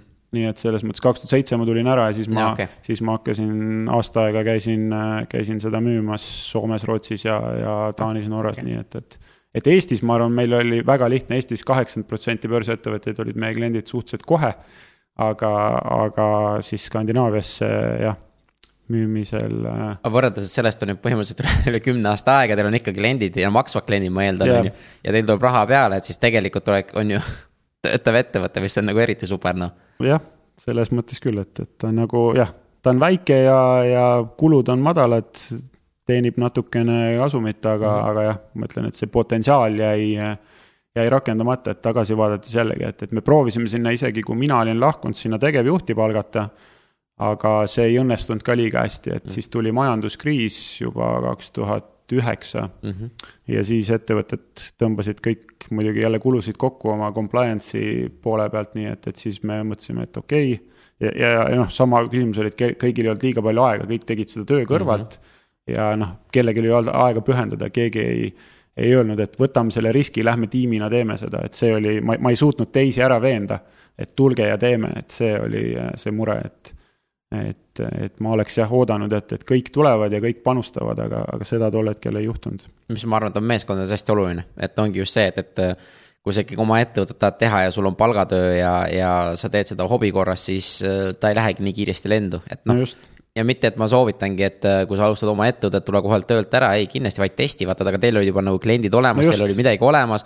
et tegelikult, kui sinna natukene nii-öelda kütust juurde valada, siis kes mm -hmm. teab, mis sellest oleks saanud, on ju. just, et selles mõttes ma, ma usun, et seal olid kõik eeldused olemas, et, et, et sellest oleks võinud täitsa vahva sihuke keskmise suurusega ettevõte kasvada mm. -hmm. aga lihtsalt jah, teised asutajad tol hetkel äh, otsustasid, et, et nad ei taha seda riski võtta mm, -hmm. kõigil olid head palgatööd ja, ja ja seda, ja seda kasvu ei sündinud mm.. ja okei okay., ja siis sa tegid seda natukene siis, aga kuna see Taxify hakkas vaikselt juba seal Taxify hakkas kaks tuhat kaksteist tekkis idee, kaks tuhat kolmteist Okay. hakkasime, nii et seal vahel ma töötasin veel siis paaris ettevõttes, et. et üks ettevõte, Ambient Sound Investments mm, -hmm. nemad tegid oma inkubaatorit ja Toivo siis kutsus mind ühte seda inkubaatori ettevõtet juhtima. Ja seal oli idee panna Skype viia elutuppa, et muidu oli Skype kogu aeg arvutis, aga et meie idee oli, et viia ta set-up box idesse ja, ja televiisoritesse ja seda me tegime aasta aega, aga kahjuks ei õnnestunud, et seal oli kaks aspekti, et me käisime Aasias müüki tegemas, et me saime päris, päris hulga neid elektroonikaettevõtteid, kellel oli huvi. aga mis oli probleem, oli see, et Skype alles arendas oma seda API-t, mille peale me siis mm., me kasutasime nende seda tuumtarkvara ja ehitasime sinna peale telekale sobiva kasutajaliidese ja kogu selle muu loogika. aga et Skype'il see API ei olnud valmis ja teiseks litsenseerimistingimused ei olnud valmis, nii et meil, meil nagu oli toote prototüüp, aga me ei saanud seda müüa. ja, ja siis äh, lõpuks, kui Skype sai, ma ei tea, seal läks ikka oma aasta jagu aega, kuni Skype sai ta enam-vähem küpseks, siis suhteliselt samal ajal Skype kuulutas välja koostöö Samsungi, Panasonicu ja veel paari teise suurima tootjaga, keda nad meil ütlesid nagu, et me ei tohi nende top äh, üks taseme tootjatega suhelda, et meil olid seal top kaks-kolm taseme erinevad tootjad ja telekom ja päris palju oli, oli põhimõtteliselt huvilisi, aga mm., aga siis jah, siis tundus, et, et see ettevõtte ärimudel ikkagi ei tööta, et, et siis sealt ma arvan, tuumiktiimist umbes kolm inimest otsustas lahkuda ja paar inimest jäi sinna tegema seda edasi, aga nad ei ole ka kahjuks seda tänaseni või noh, jah mm., seda, see esmane idee ei realiseerunud, nii et, et nad tegid veel paar aastat pärast seda, nii et seal oli küll tunne, kus meile tundus, et okei okay,, et see rong on läinud. et, et kui Skype nende suurte tegijatega välja tuli, et siis me vaatasime, et okei okay,, ilmselt võiks, võiks proovida midagi muud mm. -hmm teeme siin pisikese pausi, et tänada tänase saate sponsorit, kelleks on LinkedIn koolitused.ee ja LinkedIn on maailma suurim ärivõrgustik, kus on kolmsada viiskümmend miljonit aktiivset kasutajat iga kuu. ja LinkedIn koolitused aitavad teie, teil ja teie ettevõttel kasvada rahvusvaheliseks, õpetame, kuidas leida uusi kliente, partnereid, töölisi ja brändi äh, arendada ja uuest nädalast läheb ka tööle podcast LinkedIn tips and tricks, et kuulake seda ja need saated leiate kõik LinkedIn koolitused.ee, aitäh ja läheme saate juurde. Aga nüüd ongi noh, noh see pluss eelmine ettevõte sul oligi noh, et võiks võiks nagu, kui minna selle negatiivselt, kaks ettevõtet, mis on nagu ebaõnnestunud nii, nii-öelda vaata või noh, et nad ei ole käima läinud, vaata, et kuidas. no aga järgmine veel ebaõnnestus, aga no, selles vaat. mõttes, et, et selle, selle perioodi, ma arvan, kõige suurem õppetund oligi see, et, et kui sa rajad oma äri kellegi teise ettevõtte tehnoloogiale, et sa nii palju sõltud kellestki teisest, siis mm -hmm. sul on nagu nii ülisuur äririsk, et mida iganes see partner teeb kui ta otsustab sinuga koostöö lõpetada, siis sul äri pole mm. -hmm. et, et selles mõttes jah proov, et kui sa äri teed, siis proovi äri teha nii, et, et kõik põhivõtmeküsimused on või tehnoloogiad, valikud on nagu sinu kontrolli all mm.. sina saad otsustada, et kui sa tõesti ehitad kellegi teise peale mingit asja, siis, siis seal on nagu nii palju tundmatuid, mis võivad iga hetk su äri nagu täiesti ära lõpetada. jah, see on nagu räägitakse nii Facebookis kui ka Amazonis ikkagi sellest, et see on ikkagi renditud pind, vaata, kui sa ja. seal teed, et sa, sa rendid seda ja kõik need kasutajad on tegelikult nende omad, et kui nemad ära kaovad, kas sinu äri jääb püsti või ei jää püsti. või noh, mis iganes, et jah, sa mm. müüd mingit asja või kui Amazon tuleb täpselt sama tootega nagu oma brändiga välja. et kuidas siis see konkurentsiolukord seal näiteks on, et see risk kindlasti on olemas, et mm, -hmm. et selles mõttes, et sellega peaks. ma ei tea, kas selle vastu midagi teha saab, et kui sul on, äri kasvab hästi ja kõik läheb hästi, aga et noh. proovi, proovida nagu mingil kujul seda, seda nagu sellist jah, riski nagu hinnata, et mis siis saab mm mm.. aa, nii et, et järgmine ettevõte läks ka veel nagu sihuke nagu nii-öelda aia taha osaliselt ja. jah? no see läks täiesti aia taha, sinna ma panin, järgmisse ettevõttesse ma veel panin korralikult oma, oma säästusid, mis ma olin Skype'ist teeninud, et, et seal ma ka kaotasin raha veel, isiklikku raha ka päris mm. korralikult, nii et. et seal meil siis ka üks tuttav äh, kutsus, et, et teeme, teeme Vene, Vene äripartneritega äri, et põhimõtteliselt sarnane mudel nagu Skype, et Vene turule arendame ühte platvormi ja arendusmeeskond on Eestis mm ja, ja nemad siis teevad äriarendust ja ja see taustalugu oli nii, et, et seal on kaks sõpra, kes olid armeenlased mõlemad, nad kasvasid üles ja siis peale keskkooli üks läks Moskvasse õppima, teine Londonisse. ja siis nad olid kümme aastat äh, nagu elanud eri kohtades, said uuesti kokku, mõtlesid, et oo, vanad sõbrad, et teevad äri. ja see äriplaan isegi oli täiesti äge, et see töötas, me saime esimesed kliendid, ehitasime selle platvormi, prototüübi, kõik asjad. aga siis, kui hakati raha tõstma investoritelt või raha kaasama ja, ja siis tegelikult ilmnesid nagu üsna suured mentaliteedi erinevused, et, et see, see vene mees oli selle kümne aastaga üsna nagu venestunud oma kultuurilt, et tema meelest oli igati okei okay,, et ei pea makse maksma või võib natukene raha kõrvale panna ja kõiki muid asju teha ja siis see Londonis olnud äh, asutaja siis jälle tema noh, tõstis raha välisinvestoritelt ja, ja siis see venelane jälle süüdistas, et ta paneb raha kõrvale jälle teistpidi ja noh, sihuke lõpuks ettevõte läks, läks pankrotti nagu nende kahe asutaja omavahelise tüli ja maailmavaate erinevuse ja väärtuste erinevuse tõttu, et. et, et meie siin äh, proovisime tarkvara arendada Eestis, meil oli, ma arvan, vahepeal ka juba võib-olla umbes kümmekond äh, inimest oli siin tööl. kui ma õieti mäletan, jah. ja, ja siis tõesti, et sellega sellega oli, oli probleem, nii et lõpuks me jäime ka töötajatele, ma arvan, ühe või kahe kuu palga võlgu, et isegi kui ma ise panin sinna oma raha sisse, siis ma ka kõike ei jõudnud lõpuks välja maksta, nii et, et see oli ka sihuke omakorda veel, ma arvan, üks sihuke pooleteistaastane või kaheaastane periood isegi, mis ka sai kõvasti tööd tehtud ja, ja vaeva nähtud, aga millest midagi välja ei tulnud, et ja ma pakun välja need pinged, mis sul endal seal peas nagu olid, et kuhu sa veel juhid ja teed, et siis eriti veel rahaliselt ja finantsiliselt jääd võlgu ja niimoodi, et see ju tegelikult vaimselt kurnab ikka väga-väga hullult, noh.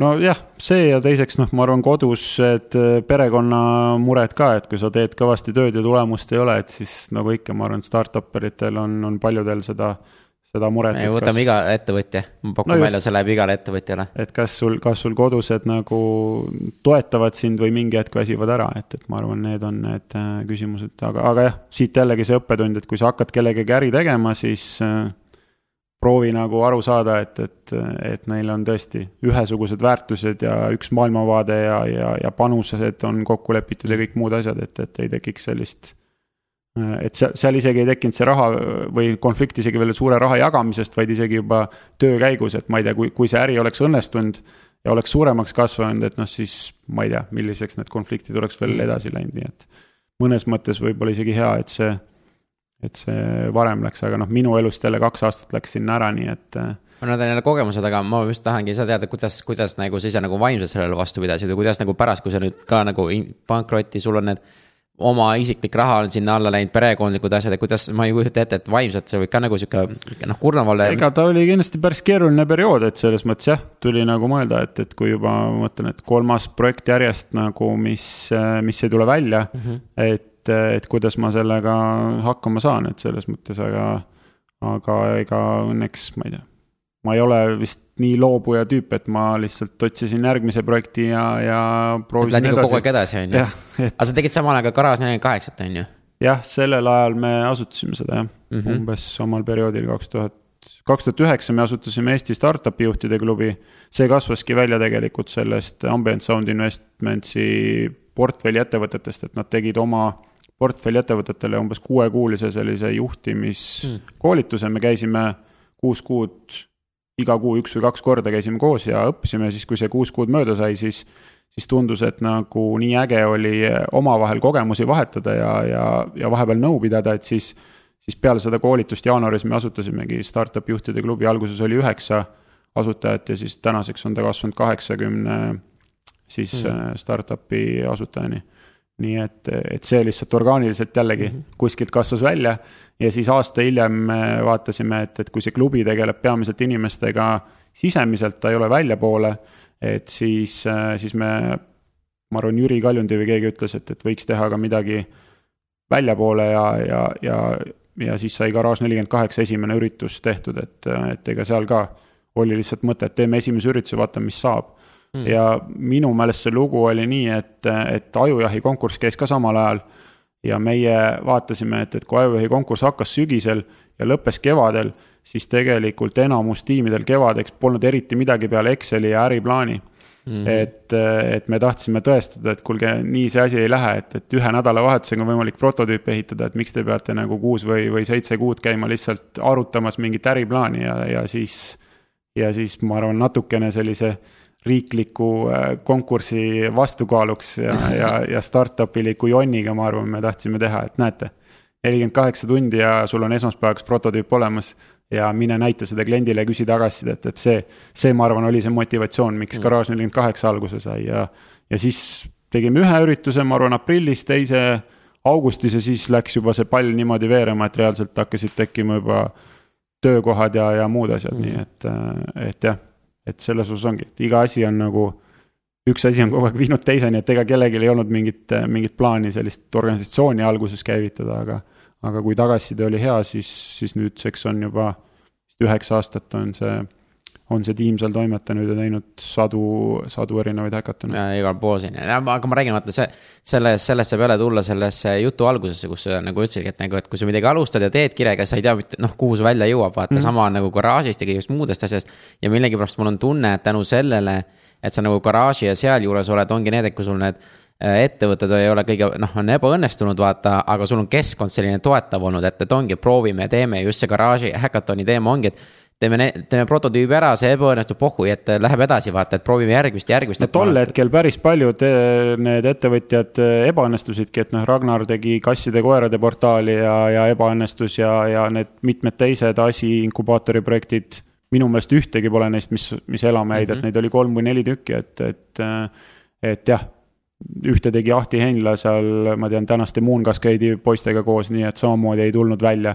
Et ega tol hetkel noh, oli seda kogemust ikkagi vähem ja mm., ja, ja kat-, noh, huvi oli suur, katsetamis ja töötahe oli suur, aga ega sellist kogu äri, ärijuhtimise ja ettevõtte juhtimise kogemust ikkagi ei olnud nii palju, et mm et seetõttu paljud ebaõnnestusid, aga näed, kõik on läinud järgmistele ringidele ja kõik need järgmise ringi ettevõtted on juba olnud, äh, juba olnud teatud määral edukamad. ülejärgmine või üle-ülejärgmine või mis iganes need ringid on, aga no vaata, tähtis on see, et, et äh, ma ütlengi, vaata toetav keskkond, mis mina nagu välja loen ja teine on see, et, et ära karda teha vigu. või no just, just, et tee, tee vigu, aga õpi nendest ja mine edasi, et et mul, minul on tunne just, minu pärast ma seda küsimust kuskil mitu korda olen juba, ongi see vaimne pool, et kuidas selle vaimse poolega just toime tulla, kui sa tunned, et aa, näed, jälle ebaõnnestus, et, et mis on mingid tegevused või mida sa ise nagu praegult nüüd tagantjärgi vaatamas või mis sa praegult teed, et mis aitaksid sul nagu seda balanssi või, või just nagu kodustega ja kõike seda, et, et ma seda. ma arvan, seda soovitust ma tahaks just nagu alustavate ettevõtete teistele nagu rohkem. no ma arvangi, et üks oli seesama mõttekaaslased, et, et, et need teised ka, kui neil läksid ka ei läinud asjad liiga hästi, et siis me saime võib-olla üksteisele natuke kurta, ma ei tea, saunas käia või õlut juua, natuke võib-olla üksteist, üksteist lohutada ja, ja jõudu soovida, et selles mõttes ma arvan, et see ilmselt võis olla see üks sihuke tugivõrgustik ja teine kindlasti, et ikkagi kodused, äh, mul abikaasa ja, ja vanemad ka pigem on olnud toetavad, et mitte nagu parastavad et, et ma arvan, see, eks need asjad ilmselt kokku ja, ja ikkagi näha jätkuvalt, et kellelgi läheb hästi. mulle tundub, et see on ka väga suur nagu edasiviiv mm. jõud, et, et, et öeldakse küll, et eestlase toit on teine eestlane, aga mulle tundub, et pigem startup'i keskkonnas on just see, et kui kellelgi läheb hästi siis, siis just see trots, et miks tal läheb hästi, ma tahan ka mm. -hmm. et, et ei ole nii, et, et mõtleme välja, kuidas teda alla tõmmata, vaid pigem nagu mõelda sedasi, et, et kui tema suudab, miks mina ei suuda, mida mina mm. pean nagu tegema ja, ja, ja kuidas nagu, kuidas saada ka nii hästi ja, ja oma ettevõtet arendada, et ma arvan, see suhtumine on nagu väga-väga oluline, et ja ma selle suhtumise kohta, ma olen sellega täiesti nõus ja mul on nii kahju, et seda ei ole nagu tavaettevõtetes. et seepärast ma ütlengi, et mille pärast ma ka väga vähe oma saates startup'e võtan, on sellepärast, et startup ide kommuun on hästi tugev et kui kellelgi midagi juhtub, kõik share ivad nagu Facebookis igal pool, on ju. aga kui noh, ma näiteks praegult tegelen natukene ekspordiettevõtetega, et nagu tehastega. meil on tegelikult üle kahe tuhande tehase, kes teevad eksporti. ma arvan, et me tavainimesed teavad võib-olla kolme või nelja tehast ja esimene on Cleveron. ja siis on veel midagi ja ongi mm. kõik aga tegelikult meil tehakse nii palju ägedaid asju, need inimesed lihtsalt ei hoia kokku, mis on minu meelest nagu Eestis on see eriti nagu mm. -hmm. Nad, nad hoiavad kokku, sest nad teavad, kes nad on, aga nagu väljapoole nad üldse ei peegelda seda, et kuule, me teeme siukseid asju ja. ja, ja sellepärast ma arvan, et räägitaksegi, oo, näe, startup idel on nii lihtne, kuigi tegelikult startup idest ka ikkagi üheksakümmend viis protsenti ei, ebaõnnestuvad mm. -hmm. et neid on palju rohkem, aga, aga me lihtsalt noh, nii, nii palju on seda äh, nagu community't nagu toetavad, kes nagu aitavad kaasa jah, ma ei teagi, mis seal siis peaks juhtuma, et, et kas kuidagi erialaliidu kaudu või, või puuduvad need otsesuhted, et ega startup idel oli ka ikkagi nii, et ma arvan, kuus kuud käisime koos seal koolitusel, tekkisid juba head suhted inimeste -hmm. vahel. ja siis tekkis kuidagi juba täiesti normaalne ongi regulaarselt kokku saada ja siis hakkas see orgaaniliselt kasvama mm, -hmm. see klubi, et, et sealt see nagu taust oli, et ega keegi ei mõelnud kuskil nullist, et mm. nii hakkame midagi tegema, et kõik need asjad kuidagi loogiliselt viisid sinna, et, et selles mõttes jah. ma väga et... loodan, et midagi tuleb aga noh, mina, mina ise nagu panen, et äh, Skype on tänu, tänu, tänu Skype'ile tegelikult see kõik juhtuski, seepärast nagu sa ise ennem ütlesid, et vaata see, et, et. et äh, kui kellelgi läheb hästi või, või, või see, et siis nagu me tahan ka, on ju. aga minu meelest Skype andiski nagu selle nagu visiooni või selle, et kuule me saamegi Eestist maailma vallutada. no just, ma arvan, et see inspiratsioon on üks pool, teiseks kontaktid, et mm, -hmm. et Skype'il oli ikkagi päris palju kontoreid üle Eesti, et see. ja, ja usk ka ikkagi, et näed, et Eesti arendajad saavadki ehitada ülemaailmselt ägedat toodet, mida kasutavad sajad miljonid kliendid, ma arvan mm, -hmm. see mõte ja kolmandaks ka või viimaseks ka see, et tegelikult aktsiaoptsioonid, et päris sajad inimesed teenisid aktsiaoptsioonidega Äh, oma esimese kapitali mm. ja tegelikult see võimaldas neil järgmisi ettevõtteid käivitada, kas siis teistesse investeerida või oma ettevõtte seemnekapitaliks, nii et ma arvan, et need asjad juhtusid väga-väga hästi, et kui me -hmm. vaatame Lätit või Leedut, siis seal ei ole olnud sellist edulugu ja ma arvan, see on ka põhjus, miks miks nende startup kogukonnad on Eestist täna natukene maas, et. Äh, ei no tegelikult oleme ausad, väga paljud riigid on startup kogukondadest Eestist maas, et me saame ainult, noh, ma arvan, et Euroopast mina isiklikult vaatan, et ainult Rootsi on eespool nagu, kus on nagu suurem. ja noh, Inglismaa, kas ta nüüd jääb Euroopasse või ei jää, see on juba teine asi, aga ma arvan, et väga noh, ja ongi kõik noh, et Soome võib-olla on veel sihuke, kes nagu on ka sihuke päris mõistlik, aga ma arvan, et muud noh, Berliin siin natukene nagu toimetab. Aga muud nagu community'd nagu selline nagu Eesti, noh, Eesti ongi üks või kaks, noh no just, et selles mõttes kuidagi noh, aga kui vaadatagi, siis täpselt samamoodi, et need, ega keegi pole seda planeerinud suures osas mm, -hmm. et kõik asjad on kuidagi loogiliselt läinud. ja õnneks on meie poliitikud äh, ka toetanud seda nagu avalikkuse poole pealt, mis on, äh, mis on olnud väga hea. Nad on kuulanud ettevõtjate tagasisidet, muresid ja on seetõttu seaduse äh, ruumi näiteks parandanud siin kas optsioonide koha pealt või äriseadustiku koha pealt ja immigratsiooni koha pealt mm, -hmm. et et, et täna tõesti, et tehnoloogiaettevõtjad, kui sa ikkagi palkad välismaalt spetsialisti ja ta saab korralikku palka üle riigi keskmise, siis on võimalik teda, teda riiki tuua ja, ja ja noh, ma ütleks ettevõtja seisukoha pealt, et kindlasti pole meie huvi välismaalasi siia lihtsalt tuua. aga kuna Eestist ei ole neid inimesi saada ja sa tahad kasvada, no siis kui sul on valik, et, et mis ma siis teen et kas ma ei loo seda töökohta, loon selle töökoha kuskile välismaale või loon selle Eestisse, siis noh, loomulikult ma eelistaks seda luua Eestisse, tuues tarku inimesi siia ja meie majandust kokkuvõttes kasvatada, et et, et õnneks siiani on meie poliitikud seda, seda suunda toetanud ja seeläbi on Eesti majandus ka kasvanud mm,. absoluutselt ja noh, see läheb edasi, aga noh, samas ma jälle tunnen ise nagu, et, et kõik asjad toimuvad enamus Tallinnas, mis on mõnes mõttes kurb. ja teine on see, et, et see palgalõhe, mis me siin Tallinnas hakkab nagu rohkem ja rohkem tulema, et ongi, et et need spetsialistid, kes me toome, okei okay,, me saame neile väga tuhat palka maksta, aga keskmine palk on ikka tuhat nagu Eesti, et, et, et see, see, see vahe, et, et. et äh, see tekitab, ma arvan, tulevikus väga suuri sotsiaalseid probleeme. sellega jah, ma olen nõus, et kindlasti vist mingi statistika oli, et, et üks selline heapalgaline tehnoloogia töökoht loob oma kõrvale viis koma kaksteist töökohta või, või, või nagu tekib ökosüsteem mm -hmm. alates juuksuritest ja, ja poodidest ja mis iganes muudest teenindavatest rollidest, aga, aga kindlasti, et jah, tänapäeval ikkagi kõrgemat palka pigem makstakse inimestele, kes, kes on nõus äh, natukene õppima ja keerulisemaid äh, muresid lahendama, et tegelikult mulle tundub, et siin on ka ikkagi suures osas ka suhtumise küsimus, et, et kas sa tahad areneda ja soovid, siis, siis tegelikult on, on need väga paljud võimalused ikkagi valla, et noh, noorematel on seda kindlasti lihtsam teha, vanematel võib-olla on juba paljuski sihuke suhtumise küsimus ka, et mm, -hmm. et. et kas, kas ma ikka jaksan midagi muuta, aga, aga on ka tegelikult hulk näiteid, kus, kus ka vanemad inimesed, kui nad on endale mingi teema selgeks teinud, on tegelikult võivad väga vahvaid äh, asju teha, nii et, et mm ma üldse ei kahtlegi selles ja noh, ma ütlen, see on jälle suhtumise küsimus ja ma arvan, kuidas sa ise nagu näed seda, kas sa näed probleeme või sa näed võimalusi. no just ja..., et selles mõttes jah, ma ütleks mi, minu hinnangul, sul vist on see slogani küsimus ka saates, aga, aga et mm. minu meelest just see on üks asi, mida, mida mina arvan, et on oluline, et mida tegelikult peaks ka koolis õpetama inimestele, on see, et iga inimene juhib oma elu ise. ja tuleb ise võtta vastutus, ise seada eesmärgid ja, ja ise nende poole pingutada ja püüelda, et, et kui sa, kui sa väga tahad, siis tegelikult on kõik võimalik, et mm., et et, et. siis hakkab mõtlemise selles ja no ja mis ma veel selle juurde et see on enda see, aga tegelikult leida sarnase mõtlevaid inimesi. et siis on lihtsam, see on palju ja, lihtsam. noh, ja tänapäeval on neid suhteliselt lihtne leida, et selles mõttes, mis iganes sotsiaalmeedia või interneti kaudu, kui sa otsid mingit valdkonda, mis sulle huvi pakub, sa leiad sealt juba mõned huvilised ja ja saad, saad nendega ühendust ja saate hakata midagi koos edasi tegema, et selles mõttes, et ma arvan, et neid võimalusi on täna väga-väga palju, et ikka kõik hakkab enda, enda mõtlemisest pihta, nii et. no täpselt, tehke saade ja näe, kutsuge Martin külla, et näe peale, peale kolme aastat toimib noh, et selles mõttes, et äh, ma, kui mina saadet alustasin, ma oleks iialgi nagu uskunudki, et näed, ma saan äh, Martini nagu kutsuda saatesse ja ta tuleb ka, et noh, kutsuda ikka saan. aga kas ta tuleb, see on teine asi, et selles mõttes on nagu hullult lahe, et see näitab jälle, et, et äh, kõike saab teha ja kõike noh, et kõik on ainult küsimuse, küsimuse ja tahtmise, pluss Eestis on see, et kõik, kõik, tunnevad üksteist niimoodi ja kuidagi ikka tuleb, aga.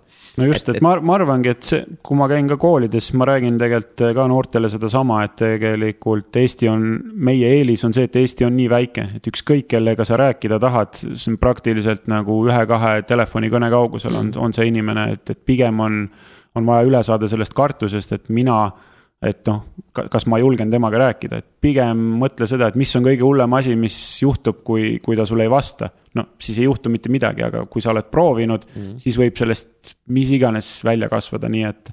et mina käin ka tegelikult iga nädal, proovin paari noore ettevõtja või uue inimesega lõunal käia lihtsalt selleks, et kontaktivõrgustikku laiendada. ja, ja lihtsalt kuulata, mis maailmas toimub ja sa kunagi ei tea, mis ideed sa, sa kuuled, et, et ma saan uut infot hariduse valdkonnast, ettevõtluse valdkonnast, mis iganes nagu muudest asjadest, et. et tegelikult enamus inimesi söövad päeval lõunat, kas sa sööd seda üksi, sööd sa seda oma kolleegidega kogu aeg koos või sa võtad nagu kaks lõunat näiteks nädalas ja sa teadlikult proovid kutsuda mm. või planeerida kedagi. noh, see söögiaeg on sul niikuinii sa sööd mm., lihtsalt kas sa sellel ajal suudad saada uut infot ja uusi kontakte või mitte, et mina olen seda aastaid proovinud teadlikult nii teha ja, ja need mingid, mingid asjad on juhtunud selle peale. no me sõime ka koos, nagu sina, sa kirjutasid ja kutsusid, mis oli ka täiesti üllatus ja mul läks ka kananahk tuli, vau, et näe, Martin kutsub, et jumala äge ja, ja, ja noh, ongi. no just, et näed, mina, mina sain teada, et sa teed podcast'i mm, -hmm. ma olen su podcast'i kuulanud, et selles mõttes ja sealt jälle inimeste käest ägedaid ideid saanud, ma olen mitmetele mm -hmm. nendele inimestele kirjutanud, kellega no, sa oled rääkinud ja nendega lõunale läinud. et selles osas äh, jah no seda ma ei olegi teadnud, et sa nendega, oh jumala äge ju. ma arvan, et ma olen umbes viie inimesega käinud ilmselt lõunal peale seda mm. podcast'i kuulamist, nii et, et selles mõttes ja sealt on omakorda välja kasvanud mingid järgmised asjad, nii et, et selles mõttes noh. see, see ei maksa peaaegu mitte midagi mm., see on lihtsalt kutsu keegi lõunale ja, ja räägi temaga juttu, et selles mõttes kunagi ei tea, ole avatud, ole aus, sõbralik ja, ja sealt mm. võib igasuguseid asju välja kasvada, nii et mis on hästi lahe nagu jälle julgustavad sõnad, et, et tegelikult ongi võtta lihtsalt action'it ja. ja võib-olla ongi, et võib-olla esimene inimene ei ole Martin, kellele kirjutada, et alusta kuskilt nagu tagantpoolt, on ju, ja, ja niimoodi ettepoole. et või noh, teinekord võib ka nagu ongi, mille, mis nagu tegevus on, et, et, et lihtsalt ongi, et ära karda ja ei, mulle on ka kirjutatud ka väljaspoolt Tallinna ja igalt poolt, et kui ma ei saa lõunale minna, et noh, siis ma noh, on mõned inimesed küsinud nõu äriideede osas mm., nad on, ma näen, et nad on nagu väga-väga alguses, et siis ma lihtsalt kasvõi proovin neile jagada paar linki. kuidas seda äriideed edasi arendada ja siis, kui ta on kuskile juba edasi jõudnud, kus ma näen, et ma suudan rohkem lisaväärtust pakkuda, noh siis on mõtet kokku saada, aga mõnel juhul ka lihtsalt ma saan anda esimest tagasisidet ja võib-olla soovitada mõnda esimest sammu, et selles. mida mõttes... sa soovitad, kui ma tulen, Martin, kuule, ma alustan uue ettevõttega, anna mulle nüüd soovitused no siis ma tahakski teada, et mis äh, sul võiks olla oma selle mõttekirjeldus, mida sa tahad teha, kes on sinu kliendid, äh, kas sa oled uurinud, mis äh, maailmas selles valdkonnas toimub, kas Eestis või maailmas on mhm. selles osas mingeid edulugusid või läbikukkumisi. et sa ikkagi sellise elementaarse eeltöö võiksid ise Google'i kaudu ära teha. ja et siis, kui sa oled jõudnud mingite küsimusteni, et, et näed, see on väljakutse või see et, et siis ma, siis ma nagu nende konkreetsete küsimuste osas võiks koos mõelda, aga, aga niimoodi, et sul noh. mitte midagi ei ole, siis, siis, siis ma ei suuda sulle ka eriti lisaväärtust pakkuda mm, -hmm. et siis pigem ikkagi ma, ma ütlengi, et ma ei tea, guugelda how to start a company või how to, how to do market research ja, ja proovi nagu need asjad ära teha ja siis, äh, siis proovime edasi mõelda, et mm,. aga mis sul muidu veel oleks nagu soovitused alustavatele ettevõtetele, et mida nad võiksid kindlasti meeles pidada või, või ise näed, et mis vigu sina oled teinud, et prooviks vältida või sa näed, et praegult nagu väga palju tehakse neid asju, kuule, et ei. on kindlasti mingid mm., mingid teemad, mis, mis võiks tulla. sedasi üldistada on üsna keeruline mm -hmm. iseenesest, aga mm. -hmm ma arvan, kindlasti ongi see, et pigem nagu ikkagi proovida ja alustada, et ära nagu liiga kaua ka oma ideega, idee otsas käia, et selles mõttes või, või teine variant, et kui sul on idee, siis räägigi kolme-nelja-viie potentsiaalse kliendiga ja küsi nagu tagasisidet, et kas, kas sa maksaksid selle asja eest või ei maksaks, et noh, see tegelikult on väga hea test, et sa võid enda peas igast asju välja mõelda, ette kujutada, aga, aga reaalselt teegi nagu testi kõigepealt, ma ei tea viie või kümne inimesega mhm. kogu erinevat tagasisidet, et selles mõttes, et noh, inimeste maailmapildid ja ootused on niivõrd erinevad, et mida sina võid arvata, et teistel on vaja. teised inimesed võivad ütelda, et pole minu jaoks mingi probleem, et, et mina küll ei maksa sellise probleemi või mm, -hmm. või, mhm. või, või teenuse eest, nii et. et ma arvan, et hakka sellest peale ja, ja siis, siis mine samm-sammult, et selles mõttes ja kindlasti jah, proovi, proovi mõttekaaslasi leida, see tegelikult on ka väga hea test. Kui sa nagu mitte kedagi ei leia, kes tahaks sinu ideega kaasa töötada, siis on ka küsimus, et kui kas see on nagu nii unikaalne, et seda tõesti pole keegi teinud või keegi ei saa aru, või siis või siis äkki on seal mingi oht, et, et sellel jällegi ei mm., ei ole turgu, et ma arvan, need on võib-olla kõige esimesed sellised, sellised asjad, et, et jah. proovi, proovi klientidega rääkida ja proovi endale tiimi mõttekaaslasi leida. kas need olid need esimesed sammud, mis te tegite, kui te Taxify'd hakkasite, hakkasite alustama? Jah, juhuslikult isegi oli, et me tegime kliendiküsitluse, et, äh, et Markus saatis koolilisti ja mina saatsin oma tuttavatele, et me saime umbes seitsesada vastust nagu enne, kui me no, hakkasime teenust arendama, et, et, et mis on, kas Tallinnas üldse on probleeme taksodega, mis firmasid nad kasutavad, millega nad on rahul, millega ei ole, nii et ma arvan, meil oli seal mingi ma arvan, viisteist, kakskümmend küsimust. nii et me saime enam-vähem klientidelt teada nagu turuosad, mis mm, -hmm. mis, mis firmasid nad kasutasid ja, ja nii et jah, me isegi siin tegime selle ideega isegi üsna klassikaliselt alustasime, et tegime mm., tegime kõigepealt turu-uuringut. no ja päris äge, et ma imestan nii palju, ma kusjuures rääkisingi üks päev ka kellegiga, et. kas mäletad kuus aastat tagasi, et kui tahad peole minna, siis sa võtad telefoni kõik kakskümmend telefoni, kakskümmend taksonumbrit läbi, et, et see. see oli nagu päris nagu peide, see oli ainult kuus aastat tagasi, see ei olnud mingisugune. just, me tahtsimegi veenduda, et ja. kas see on meie kiiks või on teistel sama mm -hmm. probleem ja kui me saime teada, et see on ikkagi nagu kuuesajal inimesel on sama probleem, noh siis me saime aru, et okei okay,, et ikkagi siin võib olla mingi nagu lahendus või tähendab mingi probleem, mida me saame lahendada ja siis see kindlasti andis, andis usku selle asjaga edasi minna, et. aga kas sina tegid ka seda nagu full time'il või sa lihtsalt vennal nagu toimetasid, ma, ma olen su venna neid esinemisi, ma arvan, et need on paljud teinud. ja ma töötasin kuidas... Fortumus veel peale seda mm -hmm. siis seda Vene projekti äh, lõppemist, et siis ma olin veel poolteist aastat või isegi peaaegu kaks aastat töötasin Fortumus, see oli esimest korda siis, kui ma käisin Tartus tööl mm. Tallinnast, nii et, et jah, sellel ajal me alustasime seda ideed, nii et esimesed, ma arvan, aasta aega jah, ma olin veel Fortumus ja töötasin nagu, aitasin õhtuti Markusel asju teha. ja siis, siis jah, kaks tuhat kolmteist augustis me avasime teenuse, kaks tuhat neliteist sügisel ma läksin täisajaga tööle. palju siis inimesi juba oli? või te olite kolmekesti või kahekesti? ei, ta... siis oli, ma arvan, juba mingi kuus-seitse, kuus-seitse-kaheksa inimest võib-olla mm., et selles mõttes, et meil oli selle aja peale angel investeerimisraund olnud, et kui me augustis avasime kaks tuhat kolmteist, siis sellel talvel me käisime ka ajujahis, saime sealt mm telesaatest nähtavust. ja siis äh, märts-aprill Äh, oli siis singelinvesteeringu aeg, sellega me saime juba osa inimesi palgata suvel, proovisime juba Soomes, Lätis, Leedus teenust avada. ja siis samas. kas õnnestus ka või? Äh, no inimesi õnnestus palgata, aga teenuse käivitamisega olid igasugused hmm. komplikatsioonid, nii et selles mõttes, aga tegelikult. Need inimesed, kes me, Lätis meil oli ka, proovisime umbes vahetasime selle jaanuarist septembrini umbes kolm erinevat inimest või tiimi proovisid Lätis teenust teha, nüüd need, kes me siis kaks tuhat neliteist septembris palkasime, need on äh, Juris, kes meil oli siis see esimene inimene, country manager, tema töötab siiamaani meie juures nüüd mm. viis aastat, nii et. et sellest ajast saadik jah, on üks tiim, kes, kes siis Läti näiteks üles töötas ja, ja turuliidriks äh, meid kasvatas aga see on ka nagu päris korralikult teil algus ju, et äh, katsetate, ebaõnnestute, katsetate, ebaõnnestuv, raha saab otsa, et, et ma jälle, kuidas seda, seda balanssi ja kuidas seda mõtteviisi seal nagu, nagu kuidas ütlen, positiivsena hoida? No seal ma arvan, et see tiim oli ka nii noor, et, et need kõik olid lihtsalt väga entusiastlikud ja panid lihtsalt hooga, et, et selles mõttes ja noh, Markus suutis ka väga palju uut lähenemist seal tuua, et et, et mis võib-olla üks näide, et, et kui mina olin selleks ajaks viisteist aastat äh, ettevõtluses olnud, siis mina olin kuidagi harjunud mõttega, et müügimeestel on põhipalk ja mm, -hmm. ja tulemustasu. aga Markus seda näiteks ei teadnud ja tema palkas meile müügimehed ainult tulemustasuga mm.. nii et inimesed tegid mitu kuud tööd, üritasid meie dispetšer tarkvara müüa siin Euroopas, üks mees isegi käis USA-s, tegi road trip'i seal mitmes osariigis ja, ja üritas seda müüa ja ühtegi kliendilepingut lõpuks ei tulnud ja nad, nad ei saanudki palka. Mm.. et maksime ainult reisikulud kinni ja, ja, ja noh, mul oli seda väga huvitav kõrvalt vaadata, et selles mõttes, et kui sa tegelikult mõnes mõttes mingi vana mõttelaad segab sind mm.. et kui Markus ei teadnud, et müügimeestel peab olema üldse põhipalga osa, et siis ta ei pakkunud ja need noored mehed ka ei teadnud nii et ta leppiski kokku, et näed, et teete tööd, teete müüki, saate tasu, müüki ei. keegi, keegi loomulikult alguses ei arvanud seda, et müüki ei tule. kõik mm. arvasid, et müük tuleb suur ja kaubeldi protsendi üle.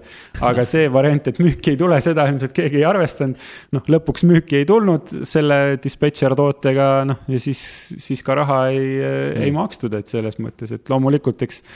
kontoris võib-olla noh, tehti aeg-ajalt koos pidu ja oli, oli nagu tore reede õhtul, aga, aga ütleme, et jah, palka reaalselt inimesed töötasid mitmeid kuid ja, ja näed, et, et see on nagu. entusiasmiga nagu õnnestub teinekord. jah, või, või lihtsalt täiesti nagu teistmoodi suhtumine, et, et kui sa, kui sa oled harjunud mingite piiride või mingi äripraktikaga, siis sa kuidagi. sul sellest välja mõelda on nii palju keerulisem, et, et ma arvan, et see on näiteks nende uute ja noorte võib-olla teistmoodi vaade, et nad ei, noh, tihti öeldaksegi, et nad ei tea, et seda ei saa kui sa lähed neile ütlema, siis sa teed neile tegelikult nagu takistuse, et ära ütle neile, las nad pingutavad ja vahest juhtub, et äh, saabki neid asju, mida mm. kõik arvavad, et ei saa. et, äh, et ma arvan, et see on, äh, see on meid ka päris mitmes asjas edasi aidanud ja ma arvan, et see on tegelikult, see on hästi hea point, sest noh, kuna ma ise ka nagu mõnele startup'ile siin mentordan ja niimoodi, et, et nagu. ma proovin alati anda nagu, ma ei tea, kuidas see nagu töötab, aga noh, siin on mõned ideed, isegi kui mul on kogemus olemas, et see on fail inud. siis tegelikult äh, ma ise leian, ei tohi öelda, kuule, et see, mis sa teed, see fail ib, sellepärast et sa ju. sul pole aimu ka, kuidas ta seda teeb või mis mõtteviisiga ta seda teeb ja. äkki ta teeb teist, fail'is mingil muul põhjusel, et jah, lihtsalt hea on jagada kogemust, näe, minu kogemus oli see, meie tegime niimoodi ja me fail isime niimoodi et kui sa teed teistmoodi või kui sa nagu noh, lähed, et siis nagu sa tead, et neid asju väldi, on ju. Mhm. aga, aga mul lihtsalt olen ise ka nagu mentorid olnud, kes ütleb, kuule, see niimoodi kohe kindlasti ei tööta, see kohe niimoodi ei lähe. ja see on, noh, ja see on nii kurb tegelikult, sest sa ju tegelikult paned juba kindla mingi ploki ette no. ja, ja kui ongi mentor on, tal on vaatad tema seda CV-d, et ta on nagu hästi palju saavutanud, teinud ja sa võtadki seda ja sa jätadki selle asja nagu ei lähegi proovima, aga tegelikult ongi võib-olla sinu lähenemine oleks töötanud. no just, et ega, ega selles mõttes see on alati sihuke keeruline küsimus, et, et alati tasub inimestega rääkida, nõu küsida. aga et mis piirini sa saad aru, et okei okay,, et see nõu võib-olla ei sobi mulle selles kontekstis ja ma tahan edasi minna, et ega meil on neid olukordi samamoodi olnud, et näiteks. me ju alustasime takso ettevõtetega koostööd ja kõike seda ja, ja kaks tuhat viisteist aastal otsustasime pigem fokusseerida privaat- või erajuhtidele ja, ja litsentsiga taksodega, lihtsalt me nägime, et see koostöö ei töötanud tol hetkel väga hästi omadel põhjustel. siis, siis ju meie investorid ka ütlesid, et, et nii, ma investeerisin hoopis teise ettevõttesse mm. lõpetage ära, see ei tööta, ma tahan oma osaluse ära müüa, ostke kõik tagasi ja noh, investorid olid väga-väga närvis -hmm. et äh, aga. ega põhjusega tegelikult oleme ausad, et. no just, et noh, keegi ei olnud seda teist äh, suunda väga, väga kasvatanud, aga mm -hmm. meie olles äri sees, me nägime lihtsalt, et, et mis on selle teist tüüpi juhtide eelised, et miks, miks neid on rohkem, miks neid on lihtsam koolitada, nad pakuvad paremat teenust, nad on vähem aega tänaval, kõik need. Nad on tihti hinna poolest konkurentsivõimelisemad, kõik need muud asjad, et seda tegelikult noh, investor ei osanud näha ja, ja seetõttu noh, selgelt nad olid väga, väga närvis ja, ja soovitasid meil mitte seda teha, aga mm. me jäime endale kindlaks töötasime edasi ja, ja noh, tänaseks oleme selle mudeli tööle saanud. aga kuidas te nagu, kust te selle julguse võtsite endast kindlaks jääda, kas see oligi see, et me olemegi turuliid- või noh, me oleme nii kaua selles asjas sees olnud, et me teamegi ise paremini ja see, et ise nagu otsustasid, see oligi nagu see põhjus? ma arvan, pigem oli see ikkagi talupoja mõistus, et vaadata nagu, mis on oluline kliendile, mis mm. on oluline autojuhile ja mis on oluline võib-olla siis noh, mis on selle erajuhi ja taksojuhi fundamentaalsed vahed et, et noh, kas, kasvõi see, et, et kui sa töötad täisajaga taksojuhina, noh, sa peaksid tööl olema kaheksa tundi päevas. aga, aga taksoäri on sessoonne, sul on tipptund hommikul, kui inimesed lähevad tööle ja tipptund õhtul, kui inimesed lähevad äh, koju. siis on vaja näiteks kolm-neli korda rohkem autosid. päeva keskel on sõitude arv üsna madal ja siis ei ole mõtet, et kõik need inimesed istuvad päev otsa autos mm. -hmm. et selles mõttes ta tegelikult sobibki oma teenuse iseloomult äh, osalise ajaga juhtidele, kes teevadki natukene hommikul, natuke õhtul ja päeval need inimesed võiks hoopis teist tööd teha mm. -hmm. ja nagu noh, kui sa neid nagu numbreid ja seoseid äh, saad aru ja kõikidest asjadest paned selle pildi kokku, siis sa tegelikult saad nendest asjadest aru, et, et me lihtsalt nägime, et andmed toetavad meie, meie suunda ja, ja meile tundus see igati loogiline ja, ja noh, rääkides ka klientidega, mis neile on tähtis mm. -hmm hind, kättesaadavus, kõik muud asjad, et ja, ja autojuhtidele ka tihti paindlikkus oli just see oluline.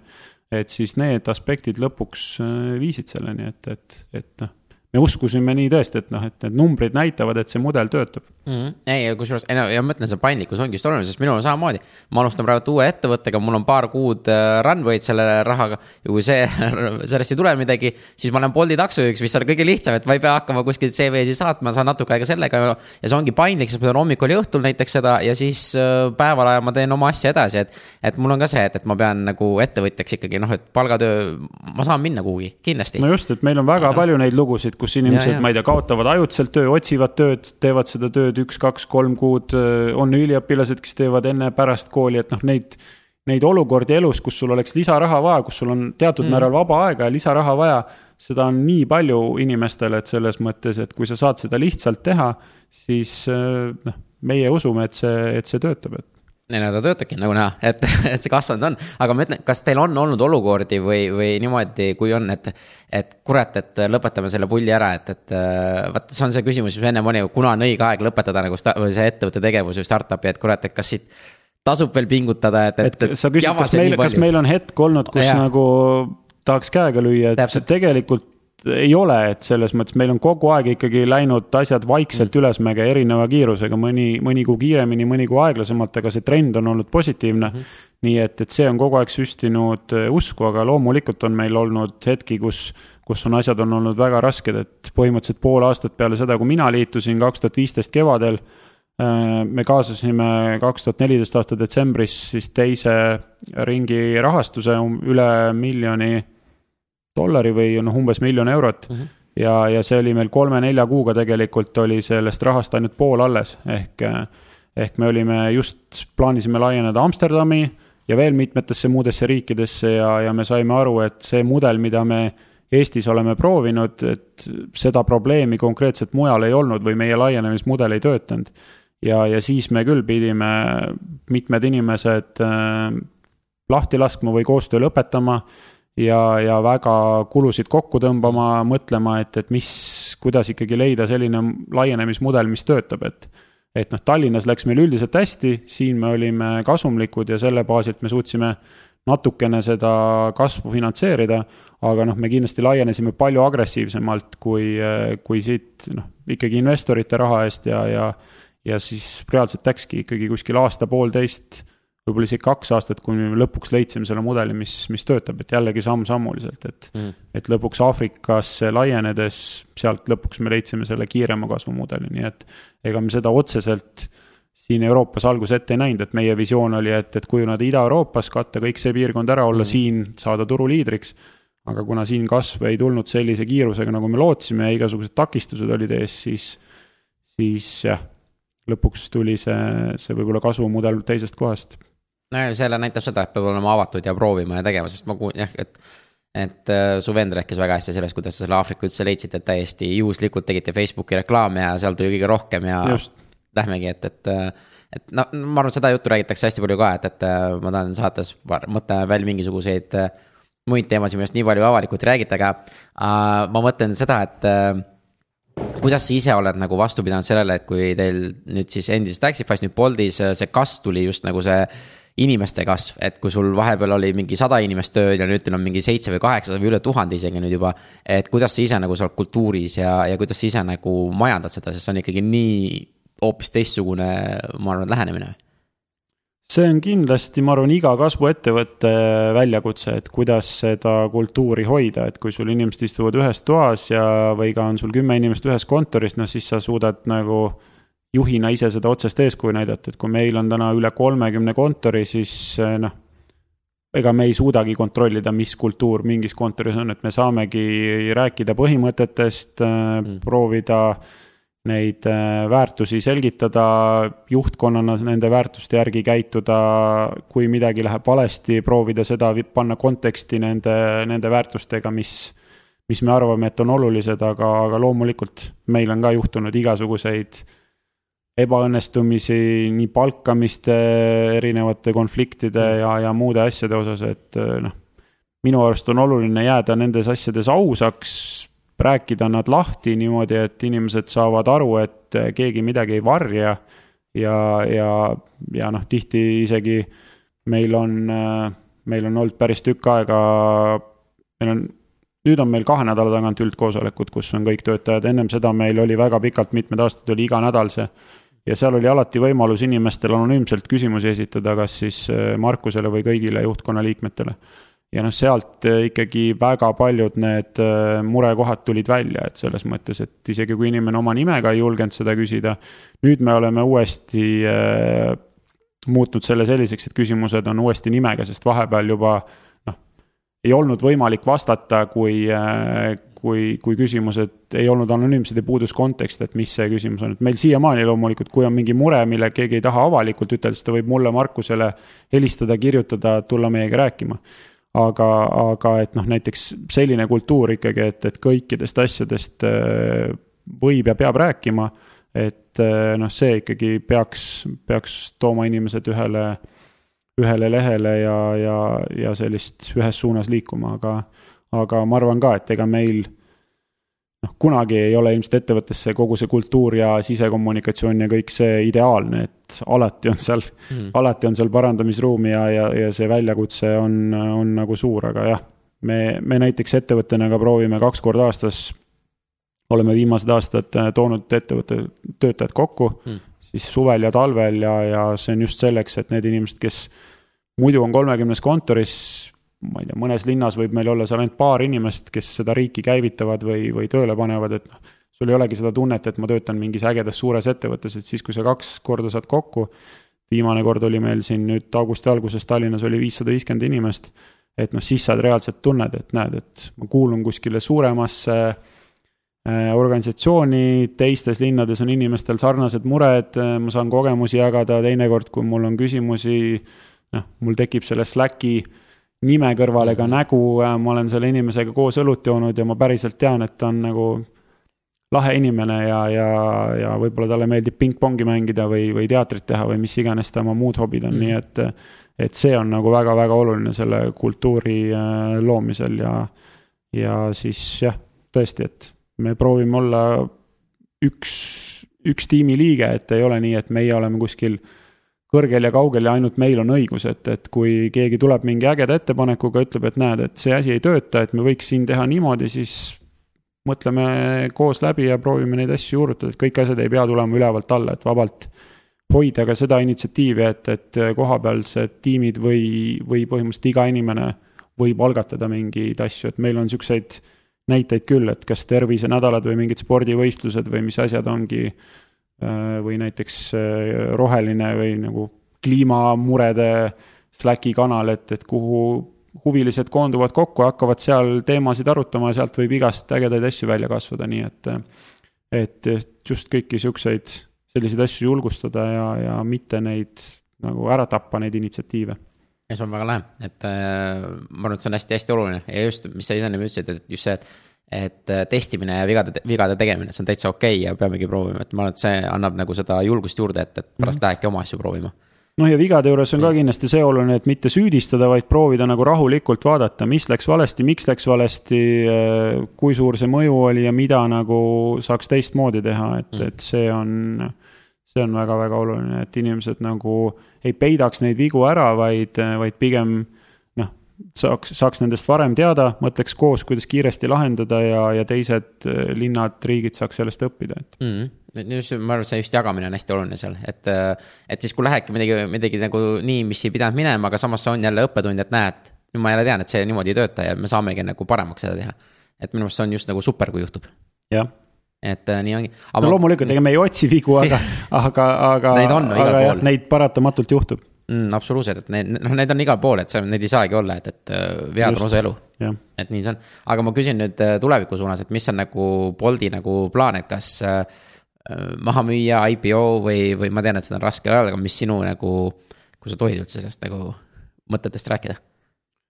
no ega väga selgelt äh, meil seda plaani vast, ütleme noh, ma arvan, et seda me oleme asutajate hulgas rääkinud, et meil mahamüümise plaani ei ole. vähemalt mm. siin nähtavas tulevikus keegi, keegi ei mõtle selle teema peale. et, et siin on mitu aspekti, et ühest küljest me oleme juba täna nii suured, et me näeme, et kui isegi kui me selle ettevõtte maha müüksime, mis me siis edasi teeksime, peaks mm. hakkama midagi nullist jälle üles ehitama ja noh, kes teab, kui hästi see läheb et, et täna meil, kuni me suudame ilusti kasvada, asjad lähevad hästi, me näeme, et me suudame maailmas asju paremaks teha, inimestele töökohti või, või lisateenistust, teenimise võimalusi pakkuda autojuhtidele, pool miljonit juhti on ikka väga suur number, et, et mm., et ma arvan, lisame kümneid tuhandeid autojuhte iga kuu platvormile. et, et selles mõttes jah ma ei tea, palju Eesti suurimas tööandjas, ma arvan, Eesti Energias on äkki suurusjärk võib-olla viis-kuus tuhat töötajat, et. Pole aimu ka. et ma arvan, et me lisame iga kuu noh, vähemalt viis korda nii palju inimesi oma platvormile, kes, kellel tekib võimalus endale raha teenida. et, et see on nagu noh, see mõju on nagu väga suur mm, -hmm. et, et kui me teeme seda paremini, kuulame neid juhte, loome neid võimalusi laiemalt see on üks pool ja teisest küljest siis lahendada inimeste transpordimuresid, et, et noh, see on väga suur hulk äh, aega, noh mm. Eestis tegelikult transpordiga on suhteliselt hästi, meil on suhteliselt väike linn ja, ja inimesed keskmiselt ei lähe väga kaua tööle, aga kui me vaatame Aafrikas või Euroopas suuremaid linnasid, siis pole üldse ebatavaline, et inimesed liiguvad tund, poolteist, kaks tööle ja tihti sõidavad seda oma autoga. mis ei ole väga kasulikult veedetud aeg, et mm., et kuidas me kõike seda saame paremaks muuta ja nüüd järjest rohkem ka need kliimaküsimused, et, et mida me siin saame teha et kogu, kogu seda transporti rohelisemaks muuta, et need on nagu asjad, kus me tunneme, et, et noh, nii palju on veel teha mm. -hmm. et, et loomulikult, kui me alustasime, ei osanud ilmselt ette näha, et, et, et neid asju on nii palju, aga täna me lihtsalt näeme, et, et see on noh, tõesti ongi alles teekonna algus praktiliselt, et. et siis kasvatada edasi ka seda ettevõtet nagu veelgi suuremaks, nagu ma saan aru. et miks ma seda üldse küsisin, ongi see, et, et äh, eriti just IPO puhul, et vaata, mis ma nagu ongi Skype'i, Skype'i ja, ja kõiki neid toon nagu võrdluseks, et et tänu, tänu sellele, et ta maha müüdi, hakkasid teie startup'id tulema, et see on minu väga egoistlik küsimus, et ongi, kui Bolt, Bolt teeb IPO või selle, siis ma tean, et tuleb väga palju uusi startup'e ja sealt tuleb niikuinii praegu. aga see annab selle uue kasvu nagu Eesti sektorisse, siis on jube hea aeg hakata investeerima ja otsida, otsida nagu, nagu kohti, kuhu nagu paigutada, kui on, mida paigutada ja ei, ma arvan, et IPO-d me ei välista, et selles mõttes, et nii, me oleme ise mõelnud nii, et niikaua, kuni me saame erainvestoritelt kapitali kaasata, et, et noh, minu hinnangul eraettevõttel on lihtsalt vähem regulatsioone, millega ta peab arvestama, et kui sa lähed börsile, siis sul on väga palju asju, sul mm -hmm. on mhm. vaja kõik sisekontrollid, kvartaalsed raporteerimised, noh, ülipalju, kasvõi seesama siseinfo haldamise reeglid, kõik, kõik, kõik, et et sul muutub selle võrra ettevõte palju rohkem korporatiivsemaks mm, -hmm. et, et, et me üritaks seda bürokraatiat nii palju edasi lükata kui võimalik. aga et noh, mingis perspektiivis, kui on näha, et me oleme nii suured ja me, ja meil kapitali kaasamise vajadused on nii suured, et, et seda, seda on avaliku ettevõttena soodsam teha kui mm. -hmm kui eraettevõttena, noh siis, siis ma arvan, et on see variant, aga, aga üldiselt ka börsile minekuks Äh, ilmselt kulub aasta-paar mm -hmm. aega just seesama, et kõik need compliance ja, ja järelevalve ja sisestruktuurid üles ehitada, nii et, et see on üks pool. aga teine, noh, nagu sa ütlesid, et kas, kas müüa või IPO-d teha, et ma arvan, et noh, üks meie väiksem unistus on ka see, et, et ikkagi inspireerida teisi, näidatagi, et näiteks noh, Markuse puhul see, et ta tuli keskkoolist, see on tema mm -hmm. esimene ettevõte ja sa võid ehitada nii suure ettevõtte, aga tegelikult maailma konteksti pannes äh, kui võtta maailma top kolmkümmend tehnoloogia startup'i, siis nende hulgas on üks Euroopa ettevõte ja see on kolmekümnendal kohal Spotify. mis tähendab tegelikult seda, et maailma tehnoloogiat täna juhivad ameeriklased ja, ja hiinlased mm. et eurooplased on seal noh, top kolmekümne viimane ettevõte et, et tegelikult. ja ma arvan, top sajast neid ka väga palju ei ole. no just, ehk selles mõttes me näemegi, et transport on tegelikult nagu niivõrd suur tööstusharu mm, -hmm. et noh, siin tegelikult potentsiaali kasvatada väga suurt ettevõtet on, on olemas, kui me suudame siin mõistlikult areneda, targalt tegutseda, et siis tegelikult noh, võiks olla meil ka võimalus kasvada näiteks Euroopa suurimaks tehnoloogiaettevõtteks mingi hetk. et, et noh, see võiks omakorda olla võib-olla kogu Euroopale selline inspiratsioon ja näidata, et tegelikult me suudaks ameeriklastele ja, ja võib-olla ka hiinlastele vastu astuda ja, ja, ja inspireerida, et ei ole mõtet ettevõtet ka liiga vara maha müüa. selleks, et siis, ma ei tea, ameeriklased ostavad selle ära ja, ja kasvavad omakorda veel suuremaks. või hiinlased, on ju, kes, kes just. omavad niikuinii praktiliselt kõike, on ju aga, aga tegelikult see on huvitav äh, koht või seda nagu küsimus, et kumb on nagu eurooplaste jaoks olulisem, kas teha hästi palju unicorn'e või selliseid, mis nagu kasumlikke ettevõtteid, et. et noh, mitte et unicorn'id ei oleks kasumlikud, aga, aga kumb on nagu olulisem jälle?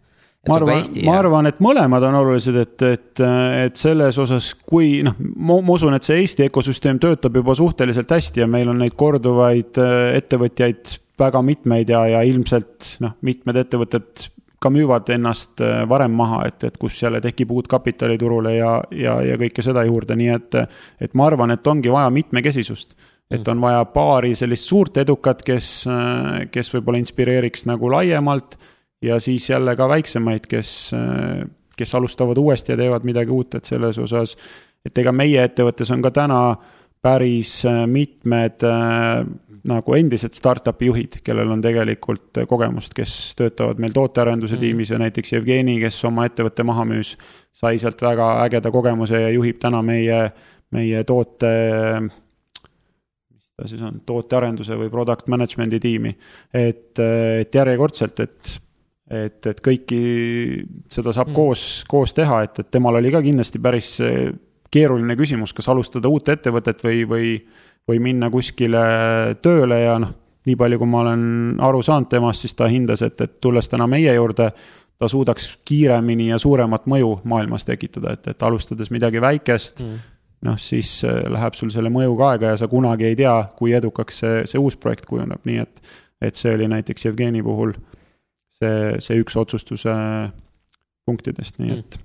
Ja see on väga lahe, väga hea kuulda, aga enne kui ma lähen tavaküsimuste juurde, mis ma küsin kõigilt, et ma tahtsin veel see, et, et äh, ikka eestlasi huvitab ju see rahakoti ja kõik see teema, et on ju, et, et olles nüüd ehitanud ühe, ühe Eesti kõige väärtuslikuma Euroopa ju väärtuslikuma ettevõtte, et.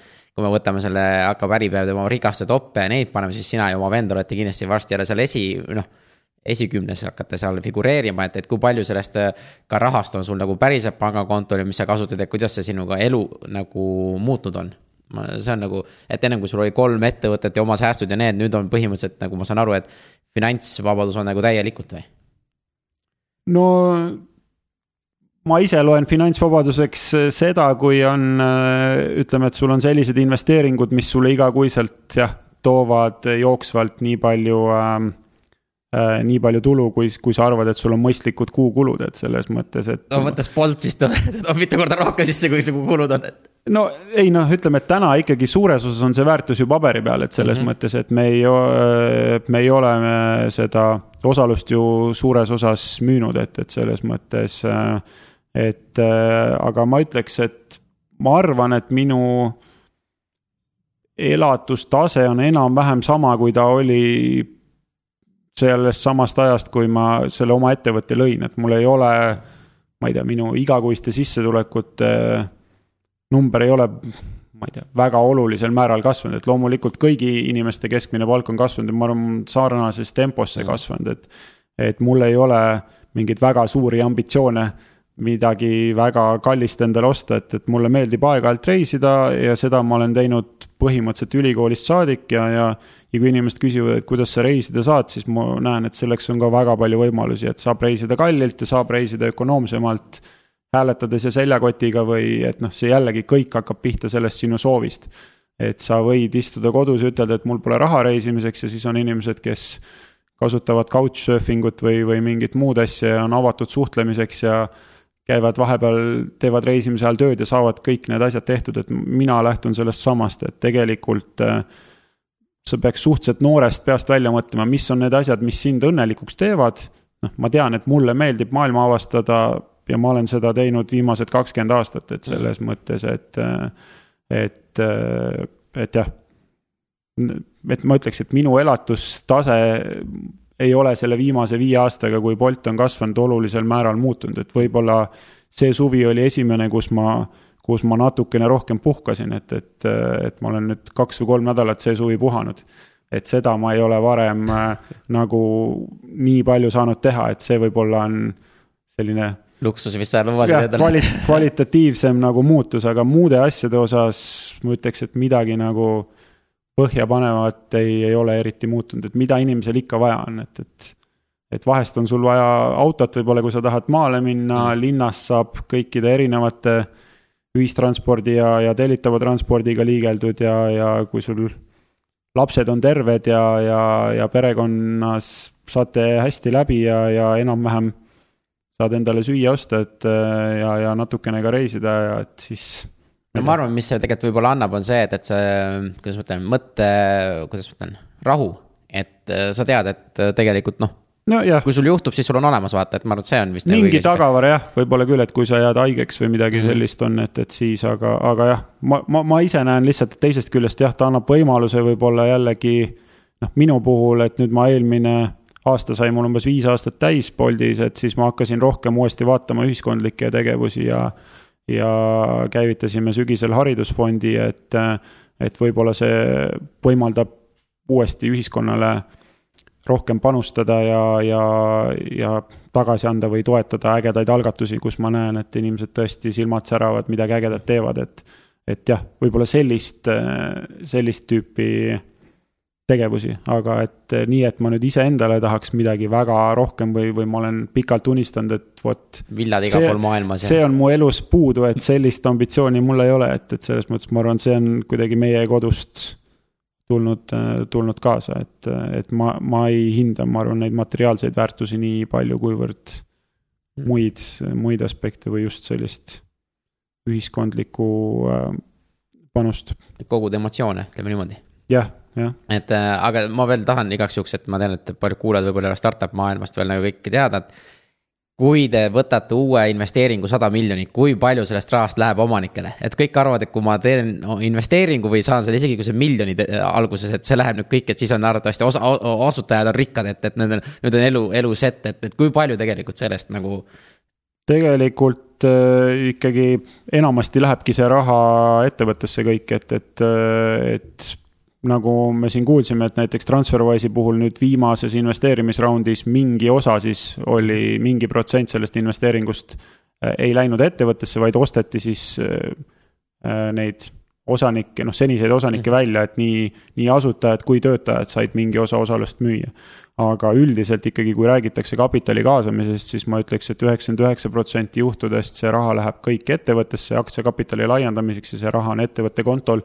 ja see on ettevõtte jah, laienemiseks, et on ta siis tootearendus, inimeste palkamine, turundustegevused, mis iganes seda ettevõtet on, aga et see, see raha kuidagi ei satu ettevõtja või jah, siis selle ettevõtte omaniku kontole üldjuhul aga okei okay,, aga oota, järgmine küsimus ma lihtsalt ei kujuta ette, mis tunne on, et kui te mõtlete algusest aega, kui te miljoni, miljon eurot nagu kaasite.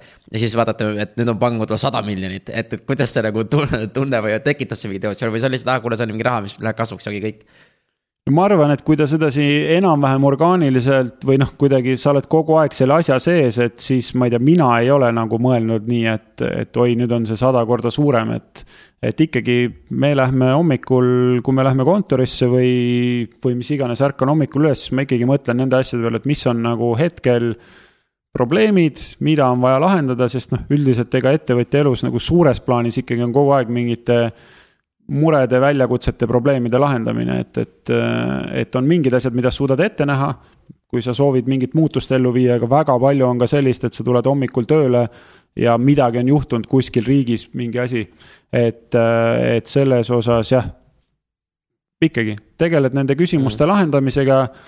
ja võib-olla, võib-olla jah, on, on jah, enam-vähem lihtsalt numbrid lähevad natukene suuremaks, aga lõpuks noh, kogu ettevõte kasvab, nii et, et jah. mina, mina näen, et see lihtsalt kasvab niimoodi orgaaniliselt ja sa, mina ei ole küll selle peale niimoodi mõelnud mm.. aga okei okay,, siis äh, tegelikult viimaseks, kurat, juba kolmas küsimus pidi ilmuma. aga ongi see, et, et äh, näiteks noh, me väga paljud ajavad just seda raha taga ja finantsvabadust ja ütle mulle kui teil nüüd raha on, kas see tähendab, et teil mures enam ei ole? Minu meelest ei ole nii, et, et kui ma vaatan näiteks Ambient Sound Investments'i ehk siis Skype'i asutajaid, kes siin kaks tuhat, millal, neli või viis müüsid oma osaluse maha e-Bay'le, et noh, siis ma ei tea, nähes kõrvalt, et ega see, ega see raha haldamine on ka paras vaev, nii et, et selles mõttes jah, mulle tundub, et see see olukord, et, et nüüd on sul palju raha siis on kõik mured lahendatud, et ega ei ole, et selles mõttes, et siis, siis tuleb vaadata, et perekonnas ei tekiks seal sellel teemal erimeelsusi ja et kõik ikkagi jääksid nagu mõistlikuks, nii et, et jah. ma arvan, et, et ta loob teatud vabadusi, aga, aga ma arvan, et see ainult selle nimel kindlasti mina ja ma arvan, meie pere ei ela super teada, kuule, aga nüüd on väga hea, nüüd paneme siia punkti ja ma küsin sult paari küsimust, mis ma küsin ka kõigilt oma nende saatekülalistelt, et esimene on see, et kas sul on, mis sul on hommikul kindel rutiin, mida sa teed ja ma ei mõtle söömist, aga. aga kuidas seda päeva alustad näiteks või käivitad, et need peavad asjad tehtud olema?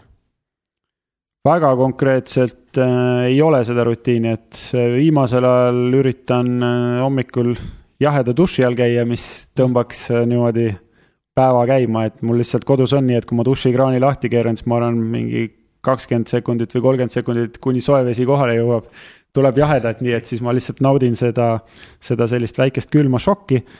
Ähm, ma kohvi ei joo üldse, et selles mõttes paljud, ma tean, teevad hommikul kohvi, et siis ma söön kodus hommikust, vaatan võib-olla natukene, kas on mingeid kiireid emaili teemasid või midagi sellist, proovin vaadata, et lapsed saaksid mm. kooli minna ja, ja siis äh, enamasti lähen kontorisse, et no.. et mingit sellist väga spetsiifilist äh, rutiini ei ole, et, et pigem ma üritan äh, käia üks või kaks korda nädalas õhtuti trennis ja, ja mulle väga meeldib pilates, et selles mõttes, et äh, just istuva töö puhul ma näen, et, et on vaja niimoodi korra või kaks nädalas ennast venitada, natuke erinevaid lihaseid treenida, ma ütleks, et see võib-olla on asi, mis, mis mulle väga meeldib, ma olen seda juba, ma arvan, kaheksa-üheksa aastat teinud. Hmm,. väga lahe järgmiseks ma uurin, kas on mingi teema, millest sa oleks veel tahtnud ise rääkida või natuke rõhutada, aga me lihtsalt ei, ei, ei teinud seda siin saates, et äkki on mingi südame peal veel või, või tahad, et inimesed seda jälgiksid?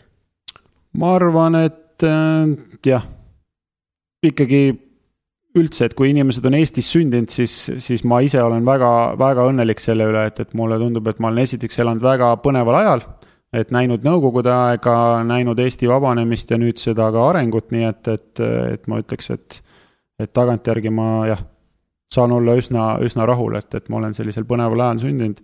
aga just jah, võib-olla teistele see, et, et ikkagi Eestis mina näen, et on nii palju võimalik ära teha, et, et meil on kliima suhteliselt mõistlik muu maailmaga võrreldes, ettevõtluskeskkond on väga hea, haridus, baasharidus on väga hea nii et, et tegelikult kõigil inimestel, kes vähegi tahavad oma elukvaliteeti parandada, minu hinnangul on, on see võimalus olemas, et see kõik hakkab ikkagi sinu tahtmisest peale. nii et suhtumine, suhtumine paika. jah. väga hea, väga oluline. siis äh, teine sihuke küsimus, et kui sa peaksid taga, täna tagasi nagu ülikooli või kooli minema ühte tundi andma või nagu loengut pidama, mis oleks teema, mida sa annaksid, aga milles sa ise ekspert ei ole, et mis sa tunned, et mis võiks olla sihuke hmm,? see on põnev küsimus, ma arvan, et äh, näiteks juhtimine on ikkagi nii lai ja keerukas valdkond, et ma olen seda küll erinevatest külgedest näinud, aga ma arvan, et ma ennast selles äh, küll liiga eksperdiks või, või kogenud juhiks ei pea, nii et, et, et.... mis sa, mis sa nagu annaksid või mis, mis, millele sa keskenduksid seal tunnis, et mis, mis sinu jaoks on praegu oluline näiteks juhtimises? inimestest arusaamine, nende palkamine, väikeste asjade märkamine, kiitmine, motiveerimine, kõik need on nagu väga-väga põnevad ja, ja sellised minu jaoks keerulised teemad, kus, kus ma näen, et, et mul on väga palju arenguruumi mm,. aga kus sa praegult nagu seda õpid nagu juhtimisasja, et sa lihtsalt testid, testid oma töötajate või kolleegide peale, et kuidas ja mis ja? Jah, nii ja naa, et selles mõttes ma, mul tegelikult tänasel hetkel ei olegi ühtegi alluvat, et kui mm. me kevadel meile tuli uus finantsjuht äh, Rootsist, Johan, et siis tema võttis kõik minu äh, viis tiimi üle, mida ma juhtisin. nii et, äh, et hetkel ma olengi sedasi pigem.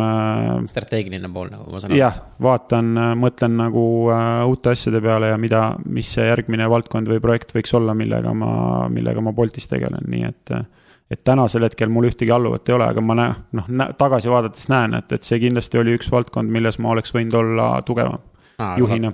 aga nüüd, kui sul nüüd aeg on, äkki ongi, keegi ülikool või kool teeb sulle pakkumise, et tule anna juhtimistunde, nii et, et see oleks kindlasti väga huvitav. Kurat, mina tahaks käia. Võib-olla. No vot on ju, aga viimaseks siis, kuidas mina ja meie kuulajad sulle kasulikud saavad olla, mis me saame teha? ma arvan, et äh, kuidas kuulajad? Kindlasti on väga vahva, kui te kasutate Bolti teenuseid, annate meile tagasisidet, kui midagi ei ole nii, nagu peaks olema. ja, ja noh, ka inimesed tõesti, kui teil on kodus vaba aega, tahate seda raha vastu vahetada, siis tegelikult Bolti autojuht on, on üks valdkond, mida mida võib nagu teha ja seda võib ka väga mitmest vaatest, et üks on näiteks raha teenimine, aga teine võib olla ka see, et meil on ka mingid ettevõtjad, advokaadid, erinevad inimesed, kes teevad seda ühest küljest suhtluse jaoks, aga teisest küljest näiteks, kui sa oled advokaat ja sul viid Viimsist mõne inimese kesklinna ja saad endale ühe uue kliendi, see võib sinu jaoks olla nagu kordades väärtuslikum kui see viis eurot, mis sa selle sõidu eest saad mm, -hmm. nii et tegelikult on see kõik vaatepunkti küsimus, et, et miks midagi teha või samamoodi müügimees sul on inimene istub hommikul kakskümmend minutit autos, võid rahuliku vestluse käigus niimoodi sujuvalt oma toodet tutvustada, sa kunagi ei tea, mida ta võib osta, nii et et need on kõik nagu sellised mõtted, mida inimesed ei ei pruugi üldse mõelda, et kõik mõtlevad seda mm. võib-olla konkreetset sõidu hinda, aga tegelikult see lisaväärtus võib olla hoopis, hoopis teine, et see on üks pool. aga, aga teistpidi, mis see küsimuse teine pool oli, et kuidas mina või kuulajad saame kasulikud olla?